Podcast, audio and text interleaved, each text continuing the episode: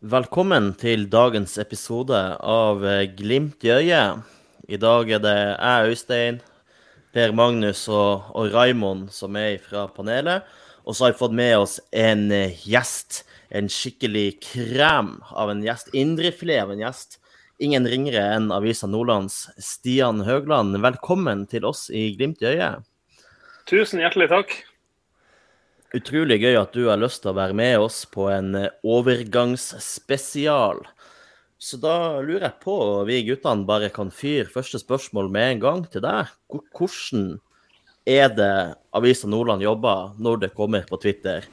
Noah Holm til Bodø-Glimt. Hvordan reagerer dere, og hvordan jobber dere for å finne ut er dette sant, er det ikke sant, er det noe hold i det? Vi, vi, bruker jo selvfølgelig Vi får jo, som alle dere, får vi de samme, mye av de samme tipsene som dere får.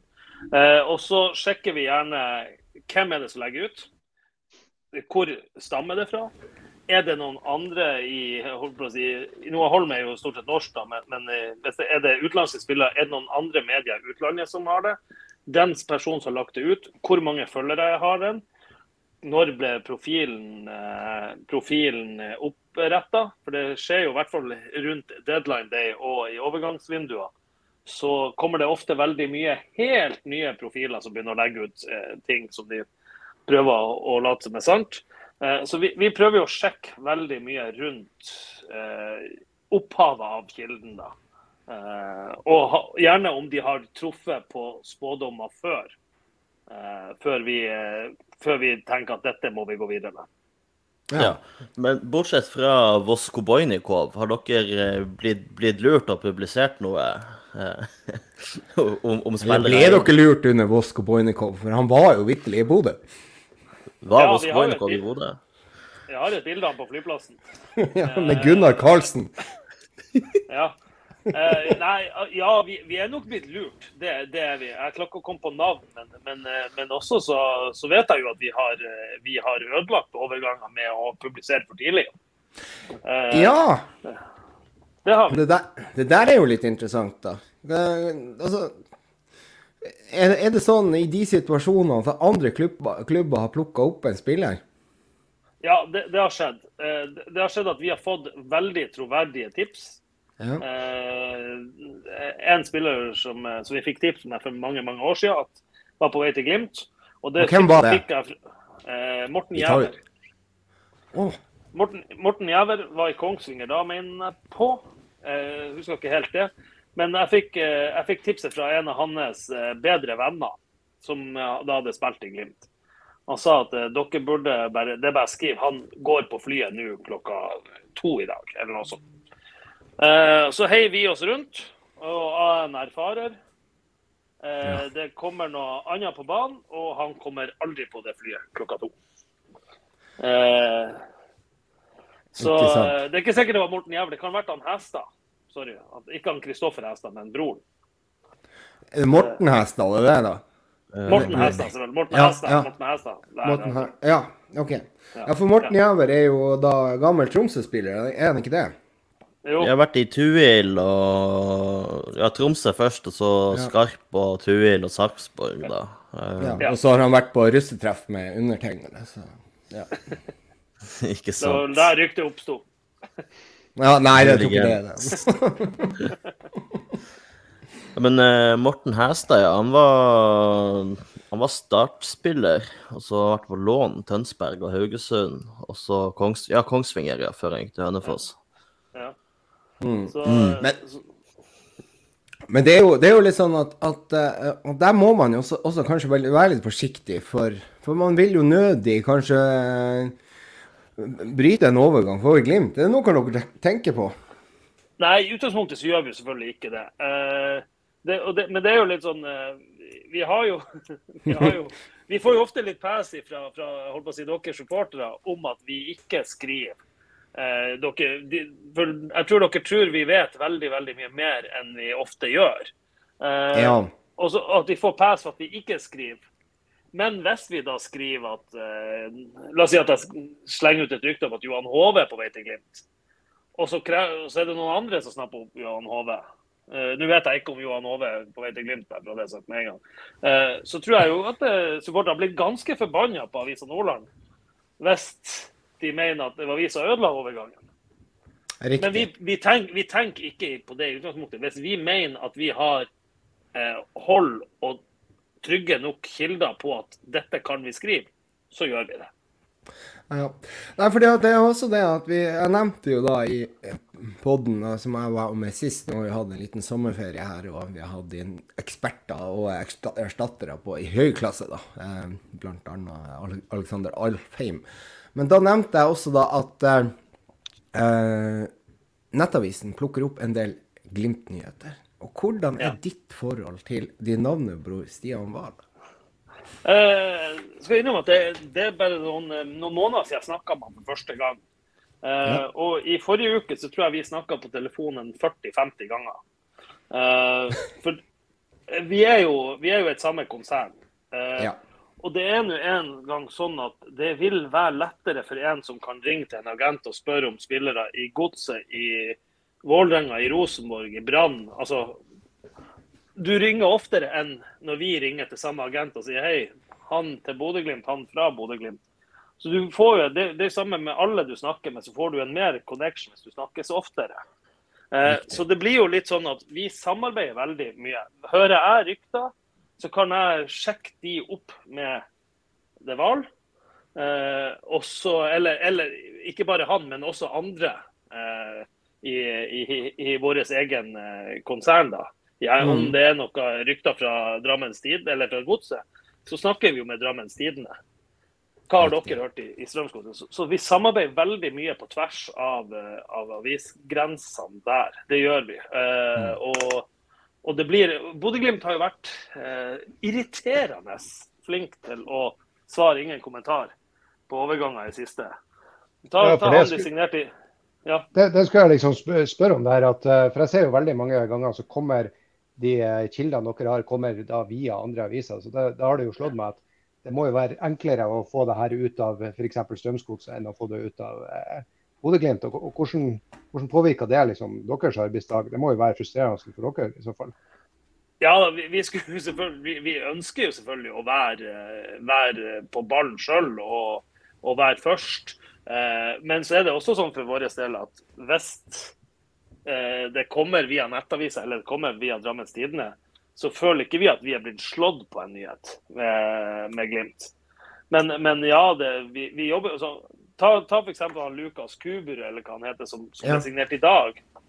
Hvor mange har mm. hørt om han? Ingen. Nei.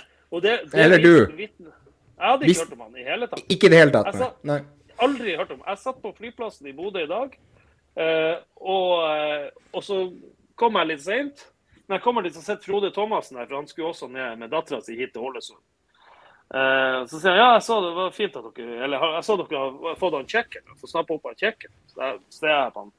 tenkte jeg at det her er han sloveneren, han der Nino Sugell. Uh, var han som var kommet nå. tenkte jeg ja, ja, flott det. Så gikk jeg inn og så og sa det her er jo ikke han, det er jo en helt annen fyr. Og det vitner om at Glimt har jobba sinnssykt bra i det skjulte.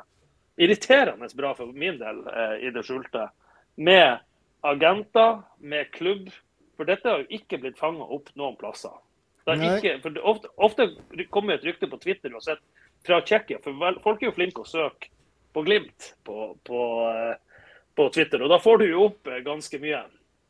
Så eh, nei, jeg syns Glimt er for min del irriterende flink på det der nå. Vi må prøve å knekke noen koder der i Avisen Nordland i hvert fall. Ja, der, der, der, har jo jeg, jeg, har jo sett det der at, eh, at det har liksom blitt skrevet litt mellom linjene. Ikke, ikke, jeg vet ikke om det har vært av media eller av andre. at at Glimt på en måte har blitt lukka, at man kommer mindre inn på de liksom på stadion. og Det er kanskje oftere lukka treninger og, og, og kantiner og hva enn. og sånn. Er det, er det tilfellet liksom, at dere, dere, på en måte fysisk kommer litt mer på avstand også fra Glimt? Det har vært det. De, vært, de, de stengte sportsbaren med rette nå under eh, korona. Eh, så da har liksom alt av journalister blitt eh, skyfla over på gammeltribunen. De har ikke stengt treninga annet enn den der eh, dagen før i Europa, som er litt som Litt som en Det er ikke et Uefa-krav, men det er mer Uefa-normen. at man får se et kvarter av treninga se det ut. Eh, mm. Og så er det jo sånn, når vi var i Sånn som nå i forrige uke, så var det to journalister på trening. Eller NRK var der, og så Freddy og meg. NRK dro etter eh, ti minutter. Og da sa de at eh, ikke film nå på treninga, men dere får lov å se treninga. Eh, det samme i Belfast. Da fikk jeg også se hele treninga. Men, men jeg behøvde ikke å skrive at Alfons Hansen skulle spille høyreback, f.eks. Jeg behøvde ikke å se det. Nei, men, men jeg, skal bare spørre, når du er på trening, da, har du tilgang til å kunne intervjue hvem du vil da? Ja, eh, stort sett. Vi går ofte gjennom medieavdelinga til Glimt og sier at i dag ønsker jeg å snakke med den og den, den, og den. Spesielt når, på, når vi satt på, på gammeltribunen. Nå de siste månedene i hvert fall etter jeg kom hjem fra ferie i sommer, så har jeg fått lov å være i sportsbarn. Og da, hvis jeg skal ha tak i Alfons Samsted, så, så, roper jeg på Alfons Samsted. Alfons, har du, har du, to minutter? Og da er mm. det stort sett utelukkende ja. Uansett så skjer det selvfølgelig at uh, jeg hadde, for eksempel, jeg spurte Ulrik Saltnes en gang og sier han, sorry, jeg har en avtale. Jeg må dra nå, jeg skal i lag med fruen og gjøre det og det om 20 minutter. Jeg har ikke tid. Kan vi ta det en annen gang? Så, for de, de, har jo, de, har jo, et annet liv enn bare oss òg, så, så, av og til passer det ikke. Men stort sett så er de, er de utrolig flinke på å stille opp. Absolutt. Og så er det liksom sånn Jeg kan bare eh, ta den der eh, akkurat i det her. Når du ser f.eks. at Ola Solbakken ikke er på trening ja. eh, Du har den informasjonen. Sitter du også da med informasjon om at han er i Roma? Uh, nei, ja, i Napoli. Uh, og forhandler. Den, uh, den, for den breaka jo Nettavisen. Ja, i lag med oss. I lag med dere. Den, ja. den, søndagen der så er, har jo jeg vært på Glimt spilte jo borte på lørdag. og Glimt reiste hjem med charter på lørdag. Det er jo et, søndagen etter Odd-Glimt, er det vel, hvis jeg ikke husker feil. Eh, og så når jeg sitter på Gardermoen jeg der og har skistefly hjem på søndag, så ringer Nettavisa til meg og sier at eh, vi har eh, opplysninger om at Ola er i, Napoli, i, Roma i dag. Vi så jo alle dette flyet på, eh, som tok av, eller så, på oversikten på Bodø lufthavn som skulle til Roma. Eh, og vi prøvde jo, da, da, er det jo sånn at da ringer jeg til alle mine kilder på flyplassen. Var dette et for det lander ganske mange privatfly i Bodø. Veldig få av de har med Bodø-Glimt å gjøre. Eh, da ringer jeg til mine kilder. Vet dere noe om det flyet? Nei. Eh, han jeg kjente best, han, eh, han ene var på jobb, men han hadde ikke sett noe fly. Og den andre han var på ferie. Det var ikke noen var... italienere i silke Nei. Og så begynte vi å sjekke litt, da. Og så ringer Nettavisa og sier at de har grunnlag til å tro det. Så når jeg kommer hjem til Bodø, så vet vi at det flyet skal egentlig lande klokka tolv. Og jeg landa halv tolv. Så planen min var å stå på flyplassen og se. Kommer det noen av dette flyet? Kommer Ola Solbakken av flyet? Da får jeg beskjed at flyet lander klokka kvart på elleve eller noe sånt. Så det har landa tidligere. Eh, men så møter jeg en, eh, en som jobber på flyplassen. Så sier jeg til ham du, jeg må snakke med deg. Så sier han jeg tror jeg vet hva du vil. Han var med flyet. Han og Bjørn Tore Kvalme var med flyet. Jeg så de gikk av flyet. Jeg så de gikk på i morges. for den Så da, og da ringer jeg til Nettavisa. Som, for jeg sto jo på flyplassen og hadde jeg ikke noe PC på meg. Eh, og da jeg, ringer jeg til Nettavisa og sier nå har vi den bekreftelsen vi trenger. Vi vet fysisk at Ola har vært i Italia i dag. Og da hiver, hiver de seg til og skriver en, en sak som de publiserer, og da får jeg beskjed at nå har de publisert, og da publiserer vi han ett minutt etter. Da kjører, ja, riktig. For ja. dere er veldig tett. Da, da, der, hadde vi, der, hadde vi, det vi trengte for å kunne Og da var vi så trygge på at vi, vi visste at Bjørn Tore Kvarme og Ola Solbakken fysisk gikk på flyet og fysisk gikk av flyet i Bodø. Da, da, har vi det vi trenger. Absolutt.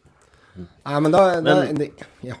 Før vi går, går videre på, på, de overgangsvinduene, eh, så, så, har jeg bare lyst til å ta litt tilbake til det han Raymond nevnte med, med lukka klubb. Så er det sånn eh, Rune Robertsen i, i, i Tromsø eh, skrev jo at eh, Glimt må ned fra sin høye hest eller noe i den duren, og, og, og blitt en så lukka klubb ingen kommer tett innpå. Og så kom nettopp i det med at man ikke fikk bare gå opp i sportsbanen og intervjue spillerne. Og så går det ei av Lukas, halve Tromsø-laget ute med korona fordi at de har hatt folk utenfra inne på, på stadion. Så, så jeg har bare litt lyst til å ta, ta, Glimt til forsvar der også, når man var ute i Europa og spilte enormt viktige kamper. Så er det sånn med korona, med høyt smittetrykk i byen, så er det ikke bare å, å slippe værmannsen og alle sammen inn i treningshverdagen. Eh, så, så, sånn sett så skjønner jeg Glimt og de vurderingene de har gjort opp mot det. da. Det er jeg 100 enig med deg og, og Glimt gjorde gjorde veldig mye rett der, og de var blant de siste som åpna opp. Og, og det syns jeg er helt riktig eh, vurdert av Bodø-Glimt. Og, og, det er jo også sånn både, både unge Thoresen og meg, vi, vi, i den verste perioden 2020-2021, når vi visste at vi fikk være vi, vi var jo tett på laget. ikke sant? Vi var, vi var på alle treningene. Vi var på alle kampene. Eh, da levde jo også vi litt sånn at vi prøvde å unngå sånn, Nå var det jo ikke veldig mye byliv i disse periodene. Men også vi holdt oss litt eh, Var litt kyniske hvem vi omgikk, omgikk, oss med. Så du var ikke på nachspielet hvor, hvor det over, overcrowded? Aldri. Så nei, det var jeg ikke. men, men, for å følge opp det litt sånn, eh, så har jeg jo inntrykk at da, Jeg vet ikke hvor mange år siden, men det var jo liksom i denne eh, perioden når, når Glimt begynte å, å endre seg. Kanskje i 2018, eh, rundt omkring det så har jo Glimt ansatt mer eh, folk og, og som driver på med nyhetssakene til Glimt. Og de er blitt flinkere på å slippe de her sakene sjøl og være tidlig ute. Og, det, og da tenker jeg da er de kanskje også flinkere til å, til å holde kortene tett til brystet med tanke på å rett og slett være den aktuelle nyhetskilden for folk å gå til. Eh, det, det, må jo også dere i, i, i Avisa Nordland legge merke til. Liksom, at, at, ja, ja, ja, at de, de, har tatt mer, tatt mer ansvar sjøl. Ja, de, de, har jo hatt et vedtak på at de skal være først med egne nyheter. Eh, så er det jo det sant, Det er jo også opp til oss der å prøve å, å omgå Ikke omgå dem, men å være før dem. Eh, og så er det jo sånn, så, så, eh, Ta et eksempel nå på onsdag med Lars Jørgen Salvesen. Ja. Da er det jo breaka at han er i Bodø. Eh, det breaka at Alle skjønner jo når han først er i Bodø, så blir han Bodø-Glimt-spiller. Eh, og da, da, ringer, da, får vi en avtale med Glimt at eh, da, for vi, da er jo nyheten er jo ute at han blir Glimt-spiller. Det er jo ikke noe hemmelighet, det. Og Da handler det om å få et intervju med, med Salvesen. Eh, og Da får vi en avtale med Glimt, eh, og, som vi gjør med veldig mange, både, ikke bare på sport, men også i næringsliv. Eh, at vi får laga en sak med sperrefrist. Så vi fikk intervjua eh, Lars Jørgen på, på Ramsalt når de var ferdig å spise før de dro på stadion. Mot at vi publiserte det intervjuet i, ikke før de hadde, eh, de hadde eh, bekrefta den i pausen.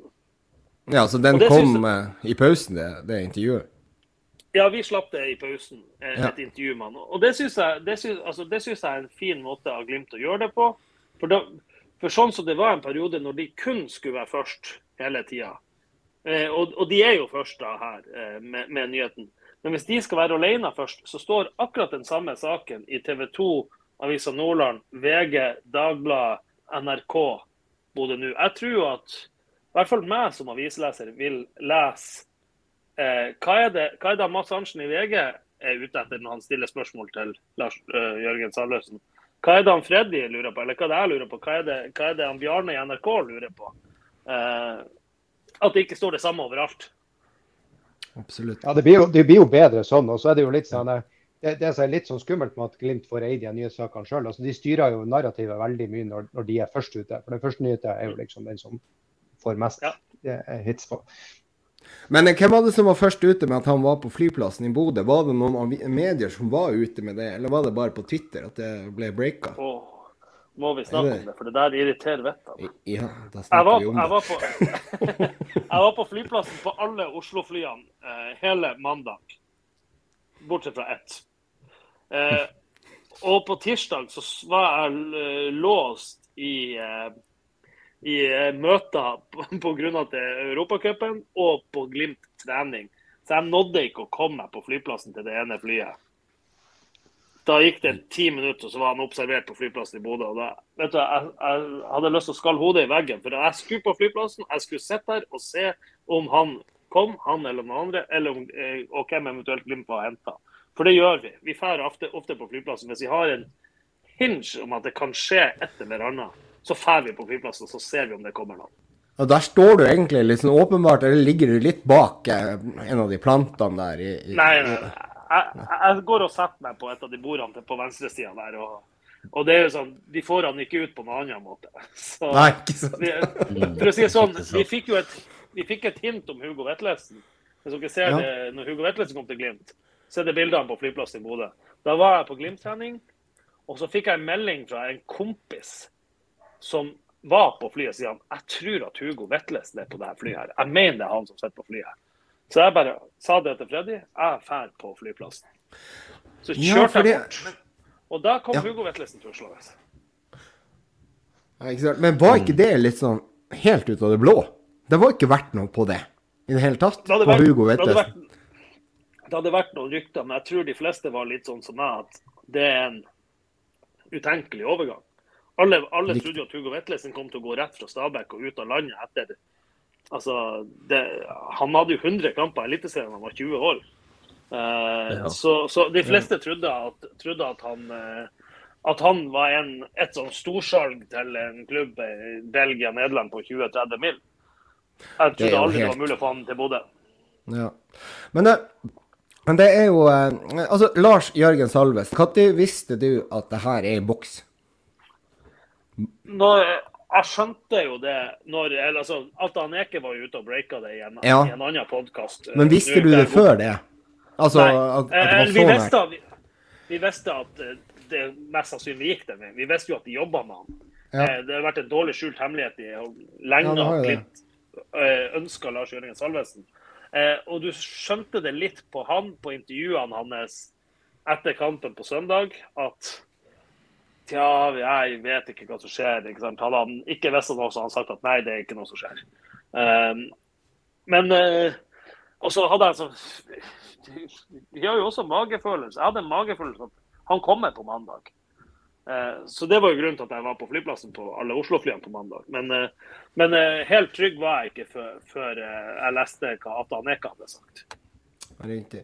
Men eh, det, det, som også er litt sånn interessant, det er jo å snakke om overgangen som ikke har gått helt i orden. og det eh, jeg må jo bare spørre deg, det har jo vært veldig mye rykter om Håkon Evjen de foregående overgangsvinduene. Hvor nært har han egentlig vært å signere for Glimt i de, i de siste årene, for å si det sånn? Håkon har jo vært drømmesigneringa til Bodø-Glimt siden han forlot klubben. Det, det, tror jeg vi kan, kan slå fast. Uh, så tror jeg alle ønsker at Håkon skal lykkes i utlandet. Men at Glimt har jobba med Håkon og prøvd og prøvd og prøvd, og prøvd, det er det ingen tvil om. Og Jeg kan ta en historie som, eh, som Håvard Sakariassen eh, faktisk har sagt, som ikke han sa ikke kommentar, ingen kommentar på. Det var, vi, har, vi, har skrevet, vi, ja, vi har skrevet det et par ganger. Men Glimt ringte jo Aset. Kan vi Håkon utlåne Er det noen muligheter? Og så gikk det noe nytt overgangsvindu. Håkon er det noen muligheter. Så ringte Håvard Sakariassen til eh, sin kontakt i Alkmaar eh, her en gang. Og da tar han telefonen og svarer på norsk. Håkon blir her. på, på gebrokket norsk. så, så hvor nært det, det, har vært, det vet jeg ikke. Men at Aset har lyst til å ha han der, det er det ingen tvil om. Ikke sant. Nei, fordi at vi... Ja. Vi har jo en spøk i supportermiljøet om at Håkon Evjens eh, spiller rett i forkant av og under overgangsvinduene, og så er det bank helt til neste overgangsvindu. Det, si og det er jo litt sånn opplevelsen er. Akkurat den sier vi, både jeg og Freddy, veldig ofte. Ja, ja, nå nærmer det seg spilletid for Håkon. Ja, ikke sant? Ja, Overgangsvinduet åpner. Ja. men eh, men nå spiller han jo faktisk fast, gjør han ikke det? Jo da, og, de, og jeg ser jo at de er i ferd med å selge Fredrik Midtsjø òg. Eh, for Håkon spiller kant i Aset, og det er jo ikke kant han er. Det er jo ikke der han vil være. Han vil jo være indreløper. Mm, eh, mm. Så forhåpentligvis nå kan han få en mulighet i den indreløperrollen hvis Midtsjø går til Fenerbahçe. Så da kan vi breake allerede her og nå at Håkon blir det ikke i sommer, i hvert fall. Jeg har ikke hørt han nevnt på Aspmyra i sommer. Nei, det har vi. Men, eh, men, men, det kan godt hende at de er blitt så lukka at de For det, det, det, er jo sånn at det er ansatte i Bodø-Glimt som kommer og spør oss vet dere om noe som skjer. Kommer det noen? Eh, når vi var i Spania i vinter, så, så bodde, jo, bodde, man jo litt sånn avse... På, det, var ikke, det, var ikke, det var ikke noen boulevard i nærheten av oss for å si det sånn, med, med restauranter og butikker. Og da var det noen spillere som lurte på om vi kunne kjøre en tur på butikken og få kjøpt noe brus. Eh, og da, da sa spillerne ja, vet du om noen Blir det noen venstrebacker på? Så kommer det noen? Skal vi signere noe? Så, så, også spillerne lurer. og det, det, det, tenker jeg er et godt tegn at, eh, at de holder såpass tett at, eh, de ikke får det, at det ikke kommer ut noen plasser. For eh, vet to det, så vet mange det. Riktig. Skal vi ta og um, um, ta litt mer om den her um, venstrebacken litt senere, kanskje? Men jeg skal bare spørre én ting til, siden han kom opp som en spiller som ikke kommer til oss. Det er Mette. Eller Mæte. Ja. Ja. hvordan sier du det navnet? Eh, Isak på begge Måter, ja. ja på, begge, på begge måtene du sa det, tror jeg jeg har brukt. Ja. Eh, der går han jo til eh, Var det Groningen? Det var til Groningen, ja. ja. Vet du noe der? Har Glimt sagt nei? ikke sant? Vi spekulerte jo litt i forrige pod om at eh, kanskje Glimt trakk seg pga. at det ble for dyrt. Eh, jeg har ikke hørt at Glimt har sagt nei. Jeg har hørt at Glimt har vært på ballen. At det aldri har blitt eh, et bud som har blitt akseptert fra Ålesund eh, på han. Skal jeg prøve å mens jeg prater, skal jeg prøve å finne, finne nøyaktig hva det var hva som ble sagt der. Eh, eh, eh ikke noe bud bekreftet eller akseptert på, på han fra Glimt. Men, ja, nei, for det jeg spekulerte i, var jo Jeg har bare hørt syv millioner som jeg kasta ut på bordet, og ser mm. han går fra rundt tolv til, til Grøningen. Og, og, det jeg tenker da, er jo på en måte at hvis Ålesund har sagt nei, vi skal ha tolv for Mæte, at Glimt da har sagt nei, men da er ikke vi interessert i å, i å by det. Og, og, det tror jeg også at Jeg vet ikke om du har det samme inntrykket, Stian, at, at klubbene i Norge spesielt setter opp prisen på sine spillere når Glimt kommer, fordi de vet at Glimt har eh, europamillioner på bok. Ja, det, det, er ingen tvil om. Det, det er bare å, Hvis man ser tilbake til når Rosenborg herja i Champions League, så var eh, prisen hvis Rosenborg skulle kjøpe én ting, og hvis alle andre skulle kjøpe, så var det nesten halvert. Eh, Glimt merka det veldig godt. Og noe av den suksessen som Glimt opplever med Erik Botheim f.eks., eh, det gjør at mange klubber ønsker for alt i verden ikke å selge til Bodø-Glimt. Eh, for de er livredde for å selge en spiller som plutselig går for Jeg sier han går, ikke ta 100 millioner, men sier 50. Eh, de er livredde for at for de, de, Man ser unektelig litt dum ut hvis du gir vekk en spiller til Glimt veldig billig, og så blir han solgt for 50 millioner etter et år. Ja, ikke sant. Ja. Men uh, da er det jo sånn at Altså, jeg forsto det sånn Altså, i Isak sitt tilfelle, Mette eller Mette, uh, så er det jo Jeg prøvde jo å komme inn med det i Jeg hadde et lite innhopp i poden uh, etter ja, hvem har vi spilt mot? Herregud, det var jo ja, Linfield. og, og, og da sier jeg jo det. Jeg var jo litt fyrt, for jeg tenkte jo det at han kan ikke gå til Groningen. Jeg, jeg tenkte, Han er såpass ung, han har spilt én sesong i Eliteserien. Så skal han gå til Groningen, og hva han kan tjene der, jo vi fant ut at det er mellom tre og fem millioner kanskje i året. Men da, da er det jo det, du setter jo karrieren din litt i limbo. Altså Hvis ikke du har fått 100% sagt at du skal spille på den venstrebekken, eller eventuelt har Han kunne vel spille indreløper også så, så, er det fire års kontrakt der hvor du mest sannsynlig havner på lån igjen til Norge. Og så må du starte den reisa på nytt igjen. Ikke sant? Hvis du refererer til Jens Petter Hauge, så tror jeg han er jækla glad for at han ikke gikk til standard Nei, hva det var? Klubb Brygge? Serkle Brygge. Serkle Brygge i uh, mai 2020. Han venta og gjorde det, og slo igjennom. Og fikk seg en, si, en god lønningspose da, i, i, Milan og nå i Frankfurt. Så den måten der, altså at du spiller deg, at du kommer i et gruppespill i Europa, og at du kan bevise på et høyt nivå at du fungerer, det er jo da du egentlig kan gjøre de Hvis du skal se det på businessmåten og fotballmåten, så kan du gjøre det mye bedre eh, enn å hoppe på første tog til Belgia eller Nederland. Ja, jeg er helt enig. Absolutt 100 enig med deg. At, eh, og dette er ikke en spiller som har uh, spilt fryktelig mye. Han har 14 kamper i Eliteserien eller noe sånt. Uh, ja. Så, uh, men det kan jo være så enkelt at Ålesund sier til han at vi selger deg ikke i Norge. Det er uaktuelt for oss å selge deg til Bodø-Glimt, f.eks. Eh, eller Molde. Ja.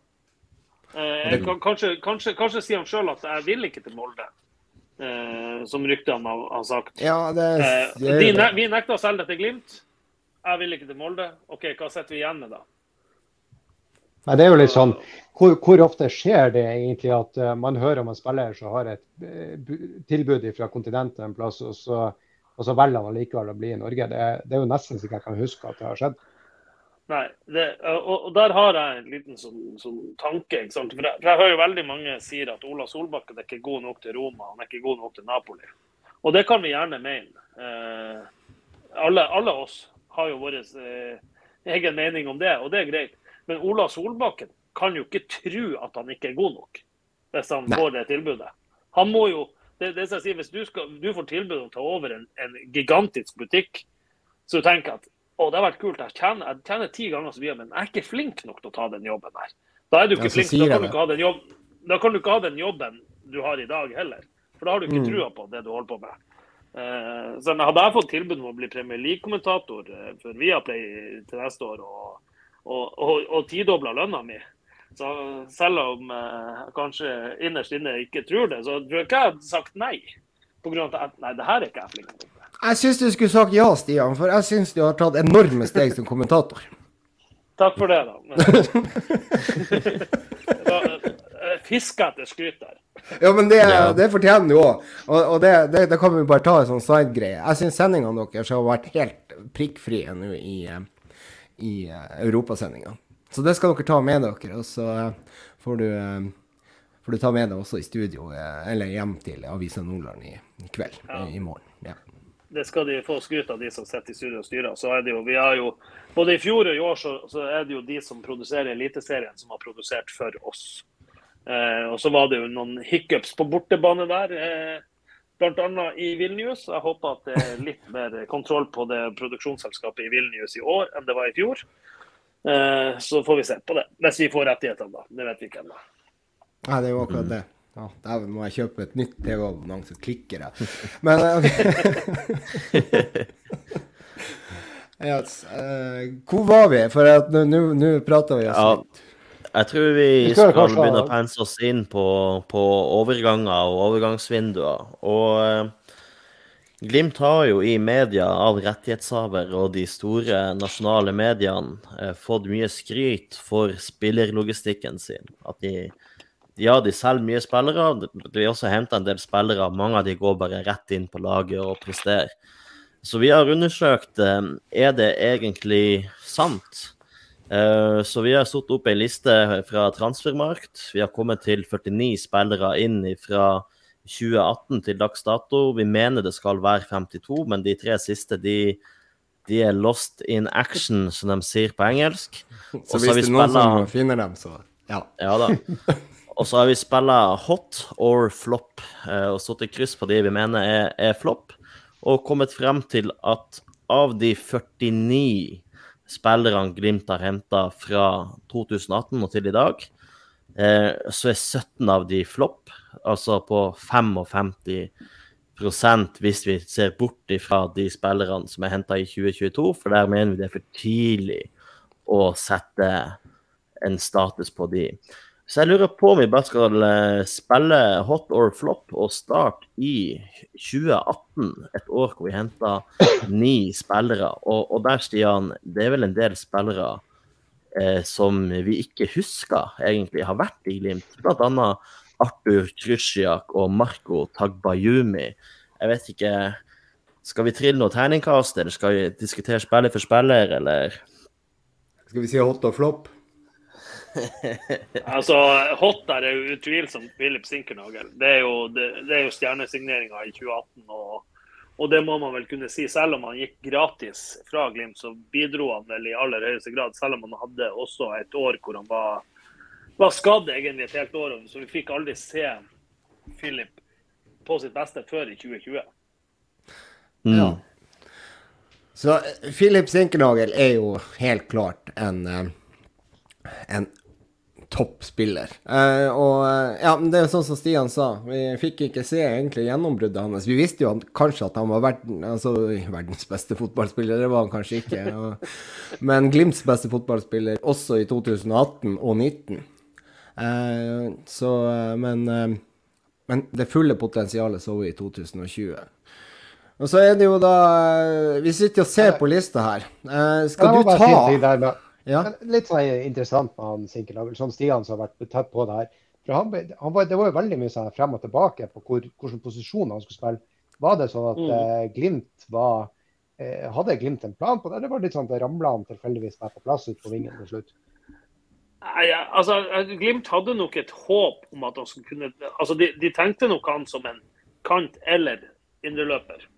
Og det, Han funka jo delvis som indreløper en periode før han tok den ankelen sin. Eh, det er vel gjerne høsten 2018, så er han OK som indreløper, mener jeg på. Hvis ikke jeg er i 2019. Jeg er utrolig dårlig på årstall. Eh, jeg tror det er 2018. Så, fun ja, så funker det OK. Men så er det jo når han kommer på kanten eh, og knekker det. For han, han, har jo spilt mye tier eh, før. Og det er jo en rolle som ikke finnes i Bodø-Glimt. Eh, og vi har jo sett, vi har jo sett Glimt har henta flere spillere etter hvert som, som, også kanskje har vært det beste i en tier som eh, kan knekke en kantrolle. Eh, så jeg, jeg tror, eh, Raimo, for å svare deg, så tror jeg at de, de så føler seg som indreløper slash kant. Og så når det funka så godt som det gjorde på kanten, så, så ble jo valget ganske enkelt. Ja, for, for 2019-sesongen, når den starta, så spiller jo Evjen kant og, og Sinkenhager indreløper. Uh, og så vet jeg ikke når tid på våren i 2019 at man, man gjør det byttet der. At Sinkernagel går opp på høyre ving, og, og Evjen går ned som indreløper på, på sentralen. Ja, altså der er det jo det at Sinkernagel er vel ikke 100% fit, sånn som jeg klarer å huske, i 2019. Han var jo, han slet jo enda med den skaden. Det var ikke det sånn det var? Han ble spart litt i starten. Ja, altså, ja. det er helt rett. Han sleit voldsomt med det ankelbruddet han pådro seg. Eh, og ikke minst det å stole på foten sin. For det er jo når du har vært i en sånn smell, så hver gang du får en ny smell, så, så setter det gjerne litt i hodet på at oi, der røyk det på nytt igjen. Og så kjenner du etter at det var kanskje ikke så ille. Men hvis du ikke stoler på foten din og skal gå i masse dueller For det er ingen tvil om når du er en dribler som Philip er, så får du en del spark rundt anklene dine. Eh, og da, hvis du reserverer deg 2% så sliter du. Riktig. Mm. Mm. Et av, Men, ting vi kan plukke, plukke opp litt senere der, da, det er jo eh, da har vi jo egentlig eh, hatt suksess med en spiller som er ganske lik Adrian Mikkelsen, men det kan vi jo plukke opp litt senere i sendinga.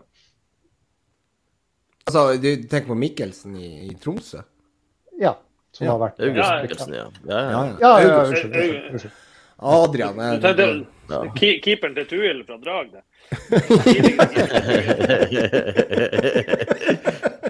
Veldig bra. Eh, men altså, hvis vi tar 2018 under ett, eh, Øystein, du som har lista foran deg, skal du ta de spillerne, så kan vi prøve å gi et litt sånn halvveis terningkast på det? For det at, uh, vi kan ikke gå gjennom alle. Nei, vi kan ikke diskutere alle.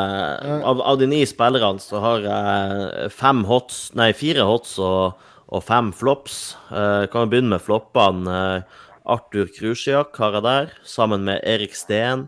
Endre Kupen, Soran Popovic, keeperen som har et vandrende straffespark imot, og Marco Tagbayumi, som eh, Ja, eh, han har helt glemt da var i Glimt. Um, og, og, som hots, da um, Morten Konradsen.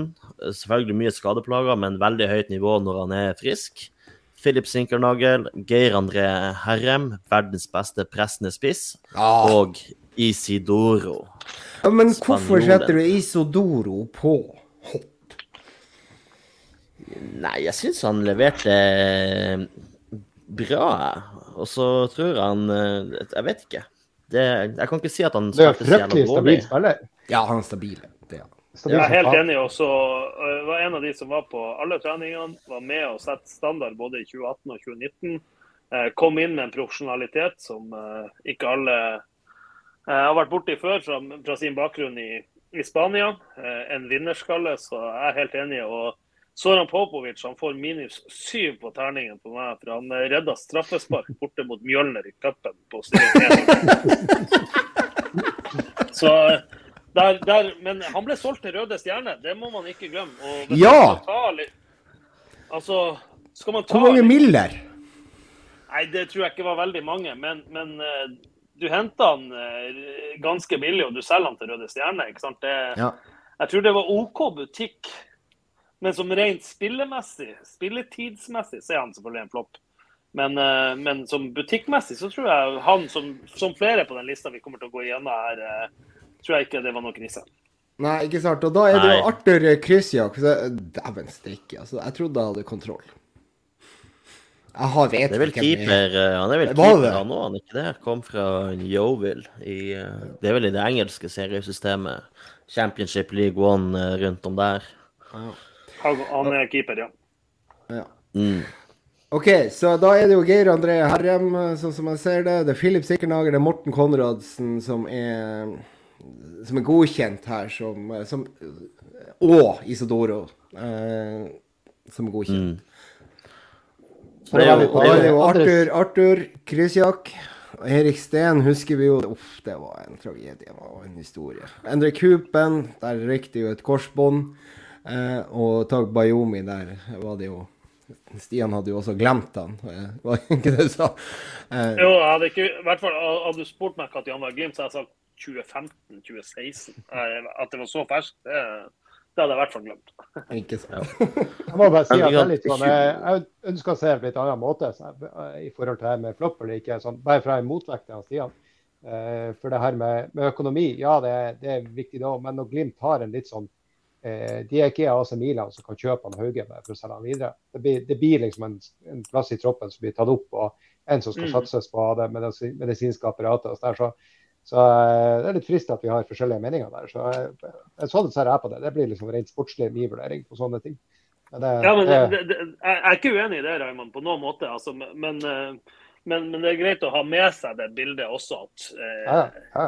totalen er ikke sant.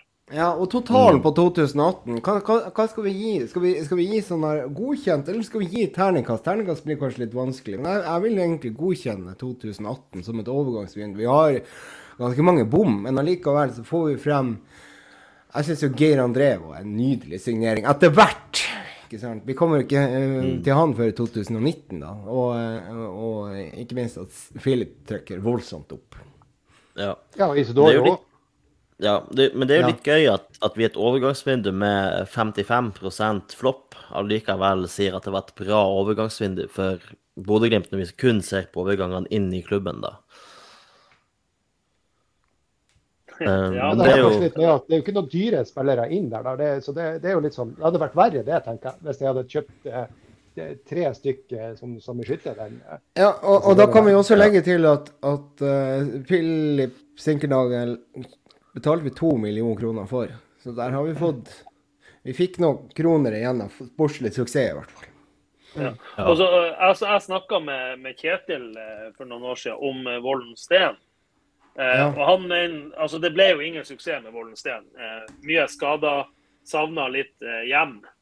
Eh, men det var en spiller de, de, nesten ikke betalte for, og som nesten ikke hadde Han var på minimumslønn omtrent i Glimt. Så, så, så igjen, eh, ikke at, ikke at, jeg mener at han ikke var en flopp, for det var han mm. eh, spillemessig. Men det var ikke en spiller som kosta Glimt all verden i forhold til verken kjøp eller eh, holdt på å si salg. Nei. Skal vi hoppe til 2019, da? Eller skal, vi, skal dere gi en dom på 18 totalt?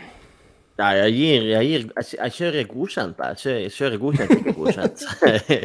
så jeg, jeg gir godkjent. Tommel opp til 2018. Tommel opp, Raymond. Er du enig i det? Ja, jeg er enig i det. Det er, såpass bra, det, som det er bra. Stian, din totalvurdering av 2018? Nei, det er jeg helt enig med godkjent. Det er, det er ikke krise, det er ikke, det er ikke fantastisk. Det er, ikke blåst? Det, er fint. Nei, nei, det er fint nok, syns jeg. Det, ja. mm.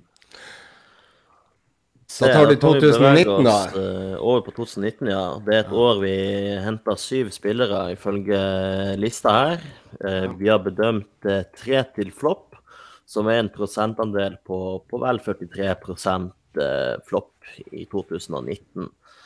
det er jo da um, Ola Amund Sveen, Viktor Boniface, Eldal Reitan på lån, Vegard Bergan, Amadou Konaté. Felix Horn Myhre også på lån, da, og så Nikita Haikin som kommer inn. Uh, her har jeg jo ikke bedømt uh, Erlendal Reitan eller Felix Horn Myhre, på, så, men de, de, står som ikke-flopp uh, by default, siden de ikke var, var, kjøpt inn, da, uten at jeg har lagt så mye vurdering i de. Ja, altså Erlendal Reitan er jo bra. Ja, ja, ja. og Felix Horn Myhre kom jo på grunn av Patrick Berg tok skuldra. Eh, og så kom jo Patrick Berg tilbake mye raskere enn eh, alle kunne tro. Eh, så Felix Horn Myhre, Myhre var vel i Glimt eh, i en måned. Ja, han ja. Var, var, der i tre uker. Okay, så, ja, så, ja. ja no, noe sånt. Så du kan vel ikke så, kalle det for en flopp heller, at uh, Patrick Berg er superbarn. Det kan ikke Felix Horn Myhre noe for. Nei, men, uh, men det her syns jeg egentlig Altså, når du ser hvem som kommer inn her. Eh, så eh, jeg har bedømt da Amund Sveen, Bergan og Konaté til, til flopp. Jeg tror Konaté kanskje må være den største floppen i Glimts historie. Så, Skal vi ta en liten ja, der, der, der, er vi jo nede på Vi er jo på Akvasi Oduro og nivå på Konaté, altså.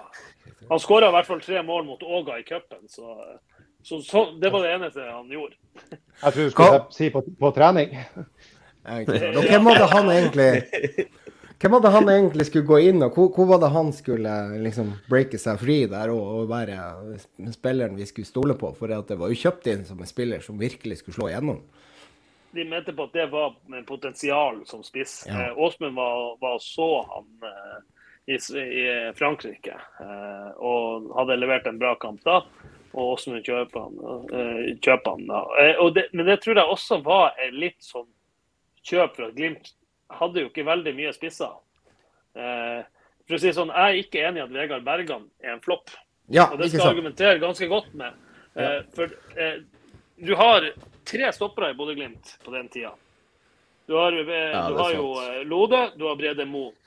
Se hvor mange kamper Vegard Bergan spilte for Glimt. Det er vel kanskje i 19 Ja, han spiller ja, veldig mye fra Glimt. Eh, han er ikke noen stjernespiller på noen måte. Han er ikke noen spiller som løfter laget på noen måte. Men en spiller som var ekstremt viktig på de manglene Glimt hadde. For hadde ikke Glimt henta Vegard Bergan, så har de stått med et par stoppere med vi vet Brede Mo sine utfordringer mm. eh, på det tidspunktet her. Det var jo enormt i 2019, da. Yes, Utfor og, og det er ja så er det jo en fantastisk bytte du klarer å få gjort ja. eh, året etterpå med å få ja. Høybråten inn. Men, men uh, Vegard Bergan var viktig for Glimt i 2019. Selv med det... sine begrensa ferdigheter. Ja, altså, ja, det, det, er vel, det, er vel det, det, er det, man sitter igjen med, kanskje, når, når tida går. Altså, man, man, man, sitter ikke igjen med at han spiller tilnærma fast og tok sølv. Noe overraska med, med Bodø-Glimt. Man, man, sitter jo igjen og tenker på hvor mye farligheter imot, kanskje, og hvor begrensa han var med ball i beina, og sånt, når man sammenligner med hvordan Glimt ønsker å spille i dag. Det var jo, eh, det var Emil Jonassen på midtstopper, det der, altså. Ja, det var jo egentlig det. Altså, det var kanskje litt verre òg i enkelte situasjoner. Emil Jonassen, eh, Stian. ja. Nei, men, men, men, men, altså, Vegard Bergan spilte 21 kamper i Eliteserien for Glimt i 2019. Han gjorde det. Ja, og, og, og vi tok sølv. Ja. Så sånn sett, hvis man, hvis man fjerner han fra en flopp, da Ja, så kan man sette han sånn eh, Sette han som hot. Ja, vi setter han som hot. Det er flopp og hot. Okay. Da er faktisk 2019-vinduet veldig bra. Eh, med ja, og i tillegg da inn og, og to flopps bare. Og det er da 20, 28 flopp, bare. Og så har vi jo en Victor Boniface også, som kommer inn. Ryker korsbåndet etter to uker i Glimt, skal jeg si, og, og er ute hele sesongen, egentlig. Mm. Det er jo der, du, du der kjøpet det er der kjøpet av Konaté kommer inn. Eh, for Victor sliter jo korsbåndet ikke lenge før overgangsvinduet stenger. Riktig. Glimt må ha inn en spiss. De hadde vel kun Geir André Herren da, på ja. det tidspunktet. Men det er jo litt perspektiv du ser det der på. Eh, for Sveen han, han er jo en, en flopp, det kan vi enige om. Boniface han blir kjøpt, og det er klart ingen skal vite om det, men han ender jo opp med to, to år på, på eh, skader i ettertid. Dahl Reitan kommer inn som egentlig dritbra signering. Han kommer inn på et lån. Eh, Bergan jeg er jo litt uenig i den. Jeg synes jo han Berg, altså, Selvfølgelig skal han få for at han sto så relativt solid igjennom, men hadde vi hatt et alternativ der, så hadde vi jo sikkert brukt alternativet. kan jeg tenke meg til, for Han, han var jo han var, jeg, jeg, husker han som farlig sånn i, i forsvarsspillet. Han, han, gjorde mye rart. altså. Og så er det i tillegg eh, Konate, som, som, var en flopp. Og eh, Haiken er jo eh, konge, da. Så, og så har du jo da eh, Myhre som ikke kan telles med seg. Så det er jo litt sånn perspektiv man ser på. Ja, og så er det jo det at, eh, at Konate er jo en spiller som ja, hva, Hvor han skåra? Han skåra cupen? Tre mot Åga. Det er jo bra. ja da, det er jo Pluss i boka. Ja, bedre enn Danny Cruise på Tui stadion. Så. Men det ender jo opp med den sesongen da hvor vi selger eh, superspiss Geir André Herrem. Eh, der hvor han kanskje heller ikke får den tilliten han ønsker. Eh, hvem er det vi kjører som spiss i 2019, da? Etter Moberg, det? Ikke det? Moberg?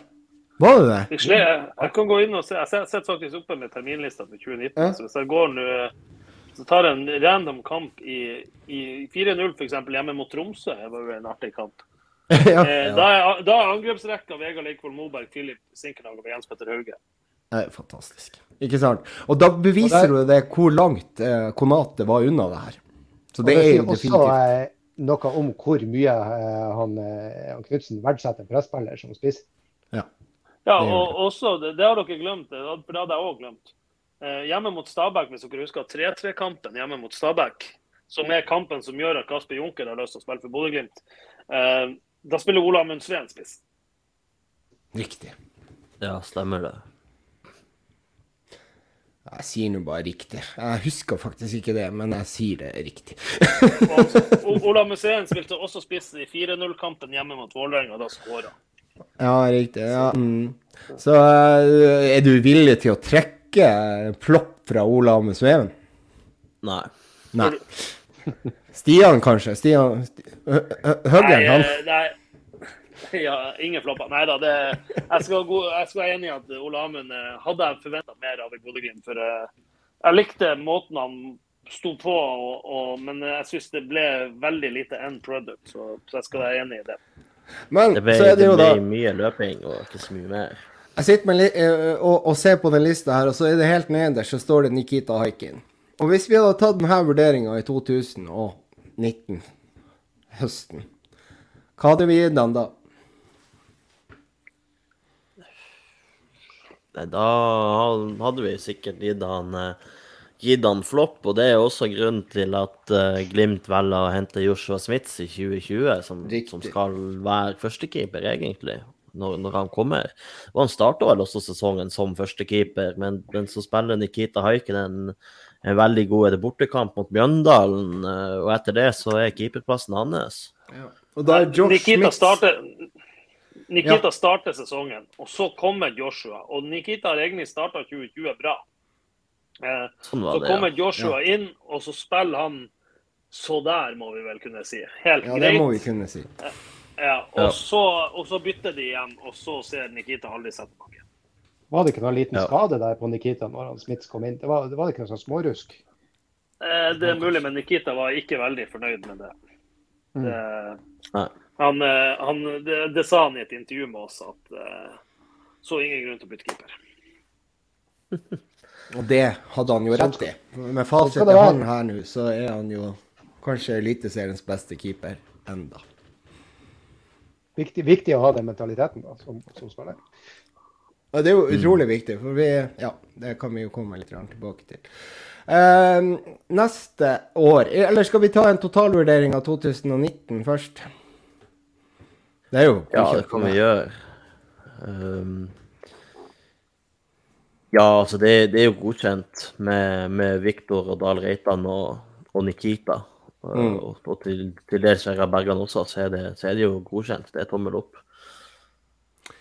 Ja, da har vi godkjent begge sesongene i 2019, 18 og 19. Så kommer det til ja, det er, Men det er litt etter tid. Det, det trengte tid på. Det er etter tida. Det, ja. det er viktig. Det er etter tida. Men hadde vi gjort det er jo også Ja. Hva vurderer vi, vi, vi, vi, vurderer jo som Nikita eh, fra 22-utgaven, siden han er her enda. Ikke ja. mm. hva vi ville ha slengt på julaften i 2019. Riktig. Ja. Ja, julaften 2019 så vil jeg jo bedømt 2019 til, til fadese av et overgangsmarked, med egentlig kun Dahl Reitan som var, var outstanding. Riktig. Så, ja. så det, det, er jo interessant, egentlig, sett i, sett i ettertid. Um, ja, det, det er jo og det. det er jo litt derfor også vi, vi, ikke bedømmer de som er kjøpt i 2022 ennå. At vi, mm. vi, gir dem i hvert fall uh, hele sesongen og kanskje til, til neste sommervindu. Kanskje vi må gi dem uh, til 2024 før vi kan sitte og felle dommen der. Mm. Da Espejord kommer. Ja, men det, men det, har jo Fredrik sagt, at det er jo først i 2023 Espejord skal være fit to fight. Er du enig i den uttalelsen til han Freddy Thoresen? Det har jeg bedt meg mørke i fra mars, eller hva kanskje. Din kjære kollega eh, Freddy sa jo det. Jeg er aldri enig med Freddy. Neida, Nei da. Nei, altså, Run, Runar har en sinnssyk jobb. Eller han, han er i ferd med å gjøre en sinnssyk jobb. Han har en sinnssyk jobb foran seg til å bli eh, fit fotballspiller. Og det går på at eh, i mange klubber Nå tar jeg ikke bare Runar, dette gjelder også et par av de som kom fra, har kommet fra Stabæk. Så er det eneste som har betydd noe, er at de er spilleklare på søndag klokka seks. Om du ikke trener tirsdag, onsdag, torsdag, fredag, så gjør det ikke så mye hvis du er spilleklar søndag klokka seks. Og det kan funke i en periode. Det funker ikke over tid. Eh, og Runar har en kropp som nå endelig få lov til å bli, trene som fotballspiller. Med, for han har vært frisk egentlig siden han kom til Glimt. Det har vært litt så smårusk. Men han har trengt tid og trenger enda mer tid på å få en kropp som tåler det her. Eh, og Jeg er helt enig i at jeg tror at Runar kommer, for at han er en god fotballspiller. Det, det er ikke det minste tvil om. Han gjør jo noen ting av, som vi ser av og til som er veldig veldig bra. Så er det så vil jeg, skal vel være enig i at jeg skal trille terning akkurat i dag, så hadde det vel ikke vært eh, mer enn en treer eller firer på den. Men han har jo skåret noen mål, da. Ja. Hadde, du, eh, hadde, du, gitt han firer, altså? Det er jo, det er jo sjenerøst igjen. Skåra i debuten i Conference League, han skåra i debuten i, i cupen, han skåra i debuten i serien. Han er nummer to på toppskårerlista til Glimt i serien, hvis ikke Viktor er gått forbi han nå. Uh, mulig at jeg mm. bomma der, mm. men Han har jo uh, assist også borte mot Celtic i debuten, så uh, Det er jo Debuten var jo helt rå. Et kort spørsmål, Stian. Hvordan er kapasiteten hans, altså kondisjonen hans, rett og slett? den kommer seg. Jeg syns det her, det her, blir jeg litt sånn idiotforklart på. Det er sikkert 100% fortjent. men jeg syns jeg ser på Runar Hvis du ser f.eks. mot Odd, nei, unnskyld, HamKam så har han et returløp hvor han er blant de første er ned, ned hjem rett foran benken og prøver å takle. Han bommer på mm. taklinga. Det er et løp mm. ikke han kunne ha tatt i april. Eh, ser jeg også et par ganger mot, eh, mot et par lag at han er ute på sida og vinner ballen, sprenger fra folk, eh, er mer bevegelig. Så han er i mye bedre form enn han var. Og så er det fortsatt en lang vei å gå før han er i eh, akseptabel god form, spør du ja, meg. Det er jo akkurat det som er, og det har vi jo egentlig diskutert litt i, i chatten også, det her, og litt med deg også, da, med eh, at ikke han har vært i form, at det er flere som ikke har vært i form, som også går, har gått utover eh, lagets prestasjoner. Det er jo helt naturlig årsak. Eh, mm. Hvis vi skal inn på det. Nå sklir vi ut som vanlig, men eh, det får vi bare egentlig gjøre. Eh, det er et viktig tema. Uh, og da er det jo da Det som vi har snakka om, litt kultur og den biten der, det kan jo dra litt, altså, litt med seg. Men en annen ting har jo vært den kvaliteten på trening. Og da må jeg bare stille direkte spørsmål. Kan Runar være med i en firkant i dag? Ja, det kan han. Og det er han. Altså, Nå tenker jeg på firkant på, på Aspmyra, ikke, på, ikke andre steder. Ja, jeg, jeg, jeg, har ingen kontroll på andre steder, men ja, han er med på firkant på Aspmyra. På fotballbanen. OK. Ja. Og det, og det, er jo en veldig uh, utmattende øvelse. Hvis man, hvis man, klarer å være med på det og henge med der, så, så er det jo det. Jeg, har han kunnet vært med det tidligere? Jeg har fått indikasjoner på at det kanskje ikke har vært så greit å være med der. Vi, vi så jo videoklipp fra treningsleir i Spania at uh, Ørjan Nygaard vel nekta Espejord å være med på en del av de firkantøvelsene. Stemmer ja, ikke det, Stian? Det var i hvert fall mye skyting etter trening han hadde veldig lyst til å være med på, som han ikke fikk lov å være med på. Riktig. så, så um, Nei, eh, Runar eh, Nå har jo ikke Glimt hatt trening på, på ukevis. Altså, de, de, har jo eh, de, de, spiller jo bare kamper, så er det restitusjon. og så er det litt sånn aktivisering. Så, men Runar er med på mye. Og jeg føler at han er med på mer og mer. Så jeg, jeg har ikke avskrevet Runar Espejord i Bodø-Glimt. Så, så ærlig må jeg være. Ja. ja. Skal vi hoppe da... videre til det vi egentlig holder på med? da tror jeg vi skal hoppe videre til, eh, til, der vi var. Vi var inn mot uh, den berømte 2020-sesongen. Uh, det som sikra oss vårt første seriegull. I løpet av 2020 så har vi henta ni spillere, hvor jeg vel har satt antall flopp til fire. Så det skal være vel 44 på en halv prosent eh, rundt om der i, eh, i flopp. Eh, og det er jo et år vi henter spillere som Sondre Fet, Semmi Skytte, Kasper Junker, Ola Solbakken, Alexander Forsnes, Alfons Samsted, Sebastian Tonetki, Marius Høybråten og Joshua Smits. Det er kanskje strengt å sette flopp på Joshua Smits, Stian. Jeg vet du har, hadde noen tanker rundt det? Eh, jeg syns jo han eh, viser jo at han er en OK keeper. Jeg syns ikke han skjemte seg ut på noen måte i Bodø-Glimt. Eh, og så blir han jo rett og slett parkert av en som har rakettutvikling, som gjør plassen til sin, og så får vi liksom aldri se hva, hvor god Joshua Smith kan være etter det. For han, det er jo absolutt ingen grunn til å la han spille. Nei. Nei, altså, snart, jeg vet jo det, Stian, du er jo Manchester United-fan. Og der hadde Joshua Smith hadde en del likheter med David Digea, følte jeg. Um, og det var på den negative sida. Uh, at han kan gå ut, ikke kunne gå ut og ta ballen på dødballen. Han ble stående på streken. Det kjenner man jo også til fra, fra overseas.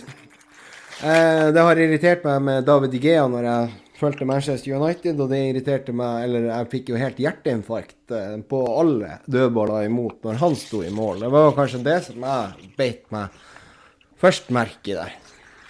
Ja, og, og, og, det tror jeg faktisk går litt på selvtillit. For der er jeg helt enig. Hvis du ser f.eks. den hjemmekampen mot Celtic i, i, når Joshua står i vinter, ja. så er det et, spesielt én situasjon, et innlegg som kommer veldig tett på mål hvor, uh, hvor uh, Joshua ikke tør å gå ut og plukke den. Uh, den hadde så, så, Haikin tatt, sant? Ikke sant? Ja, men jeg er ikke like sikker på at Nikita Haikin hadde gjort det for to år siden. Nei, ikke sant? Med en gang. Det, det, det er litt sånn Du ser jo Sarpsborg f.eks. har en keeper nå, en ung keeper, som utvilsomt er talent. Du ser det siste målet han slipper inn nå i helga som var. Da rygger han inn i målet omtrent. Han kan ta ett steg frem og ta den ballen. Eh, det går jo selvfølgelig ikke på at han er en dårlig keeper, det går på trygghet og tøffhet i, i sånne situasjoner. Mm. Nei, men der er det jo også det er jo snakk om da åpenbart selvtillit. Å kunne gå ut og hente den ballen. Og det Jeg vet ikke om jo noen av oss som har stått i mål. Jeg har stått også litt av og til. Eh, og det går vel på det at du skal heve din plass og gå ut og hente den. Men det er jo selvfølgelig på et my mye lavere nivå enn hva Josh er på. Jeg har også stått litt i mål. Jeg kjenner meg godt igjen i det å rygge inn i eget mål. Ja, jeg, var, jeg var jo i den rare posisjonen at jeg var midtstopper, kaptein og andrekeeper på, på et fotballag jeg spilte før. Um, jeg har stått noen, noen andre omganger når keeperen har fått vondt eller noe, noe sånt. Så det det, man blir fort stående på, på, på strek og, og, bare håpe at man er, man er bred nok til å, til å, stoppe det som kommer. Ja. Men, uh, Men en ting jeg reagerte negativt på med Smits. det var måten han brukte beina på. Uh, han, hadde sånn, han var god på å slå langt, men det så ikke ut som Glimt hadde en plan på å slå langt. Der, han, der Haiken liksom spiller ved opp via stopper og back, så var det, hvis det var noe rom, så hadde, Smits en tendens til å pælme man det rommet. Og så ble det, mista vi bare ballen som følge av det. Det gjør han jo også mm. i hjemmekampen mot Celtic. Mm. Men, Raymond, tror du det også kan ha noe med trygghet å gjøre? Altså, ja, du, du, absolutt. Du vil, du vil, når du først får sjansen, så har du i hvert fall ikke lyst til å spille på deg et uh, Mbaye-brudd i, i, Kristiansund. Ja, ja, ja. Nei, det, er, det er klart det. Altså. Men det, det, er jo akkurat, akkurat det. Uh, hvis du skal si flopp og sånne ting, så er det jo også hvordan gikk det videre? Og han ble jo solgt til en klubb som jeg ikke husker nå. Ja, gikk tilbake igjen til Nederland. Ja. Og, og der, der, var det vel en ganske lav sum han ble solgt tilbake for. Jeg tror Glimt tapte penger på han. Er det, kan du bekrefte det, Stian? Jeg, jeg husker verken hva han kom for eller hva han gikk for. Det, men, jeg, men, jeg, tror du har rett i at det, eh, han er ikke et gevinstsalg eller gevinstprosjekt for Bodø-Glimt. Det, det, tror jeg du har rett i. Ja, så da, da er det jo eh, da, en fortjent flopp der fordi at Haiken tok ballen og holdt den, rett og slett. Mm. Men som en andre keeper, så var han jo solid, da, for å argumentere litt for det, da. det, er jo, da. det er jo ma ja. mange som har mye dårligere andrekeepere enn det der.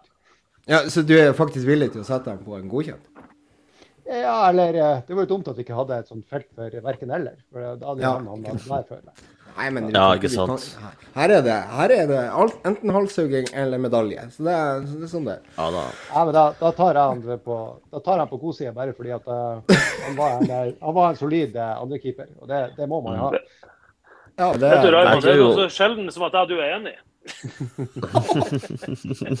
da går det langt, langt nok tid, så var det dømt. Ja, og så sitter ja, jeg og jeg, og, fordi at han ble jo henta inn som førstekeeper, så jeg, jeg, vil jo fortsatt sette han som, som flopp.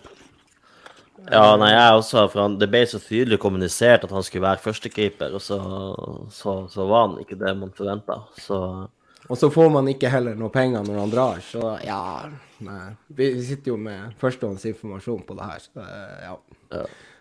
Eh, Men vi har jo også en spiller som, eh, som Sami Skytte, som kommer i januarvinduet. Ja og, og drar igjennom om sommeren der. Det er jo en litt spesiell, uh, spesiell sak. Og, og Knutsen sa vel at det er en spiller som tar mer energi enn han bidrar inn i spillergruppa med.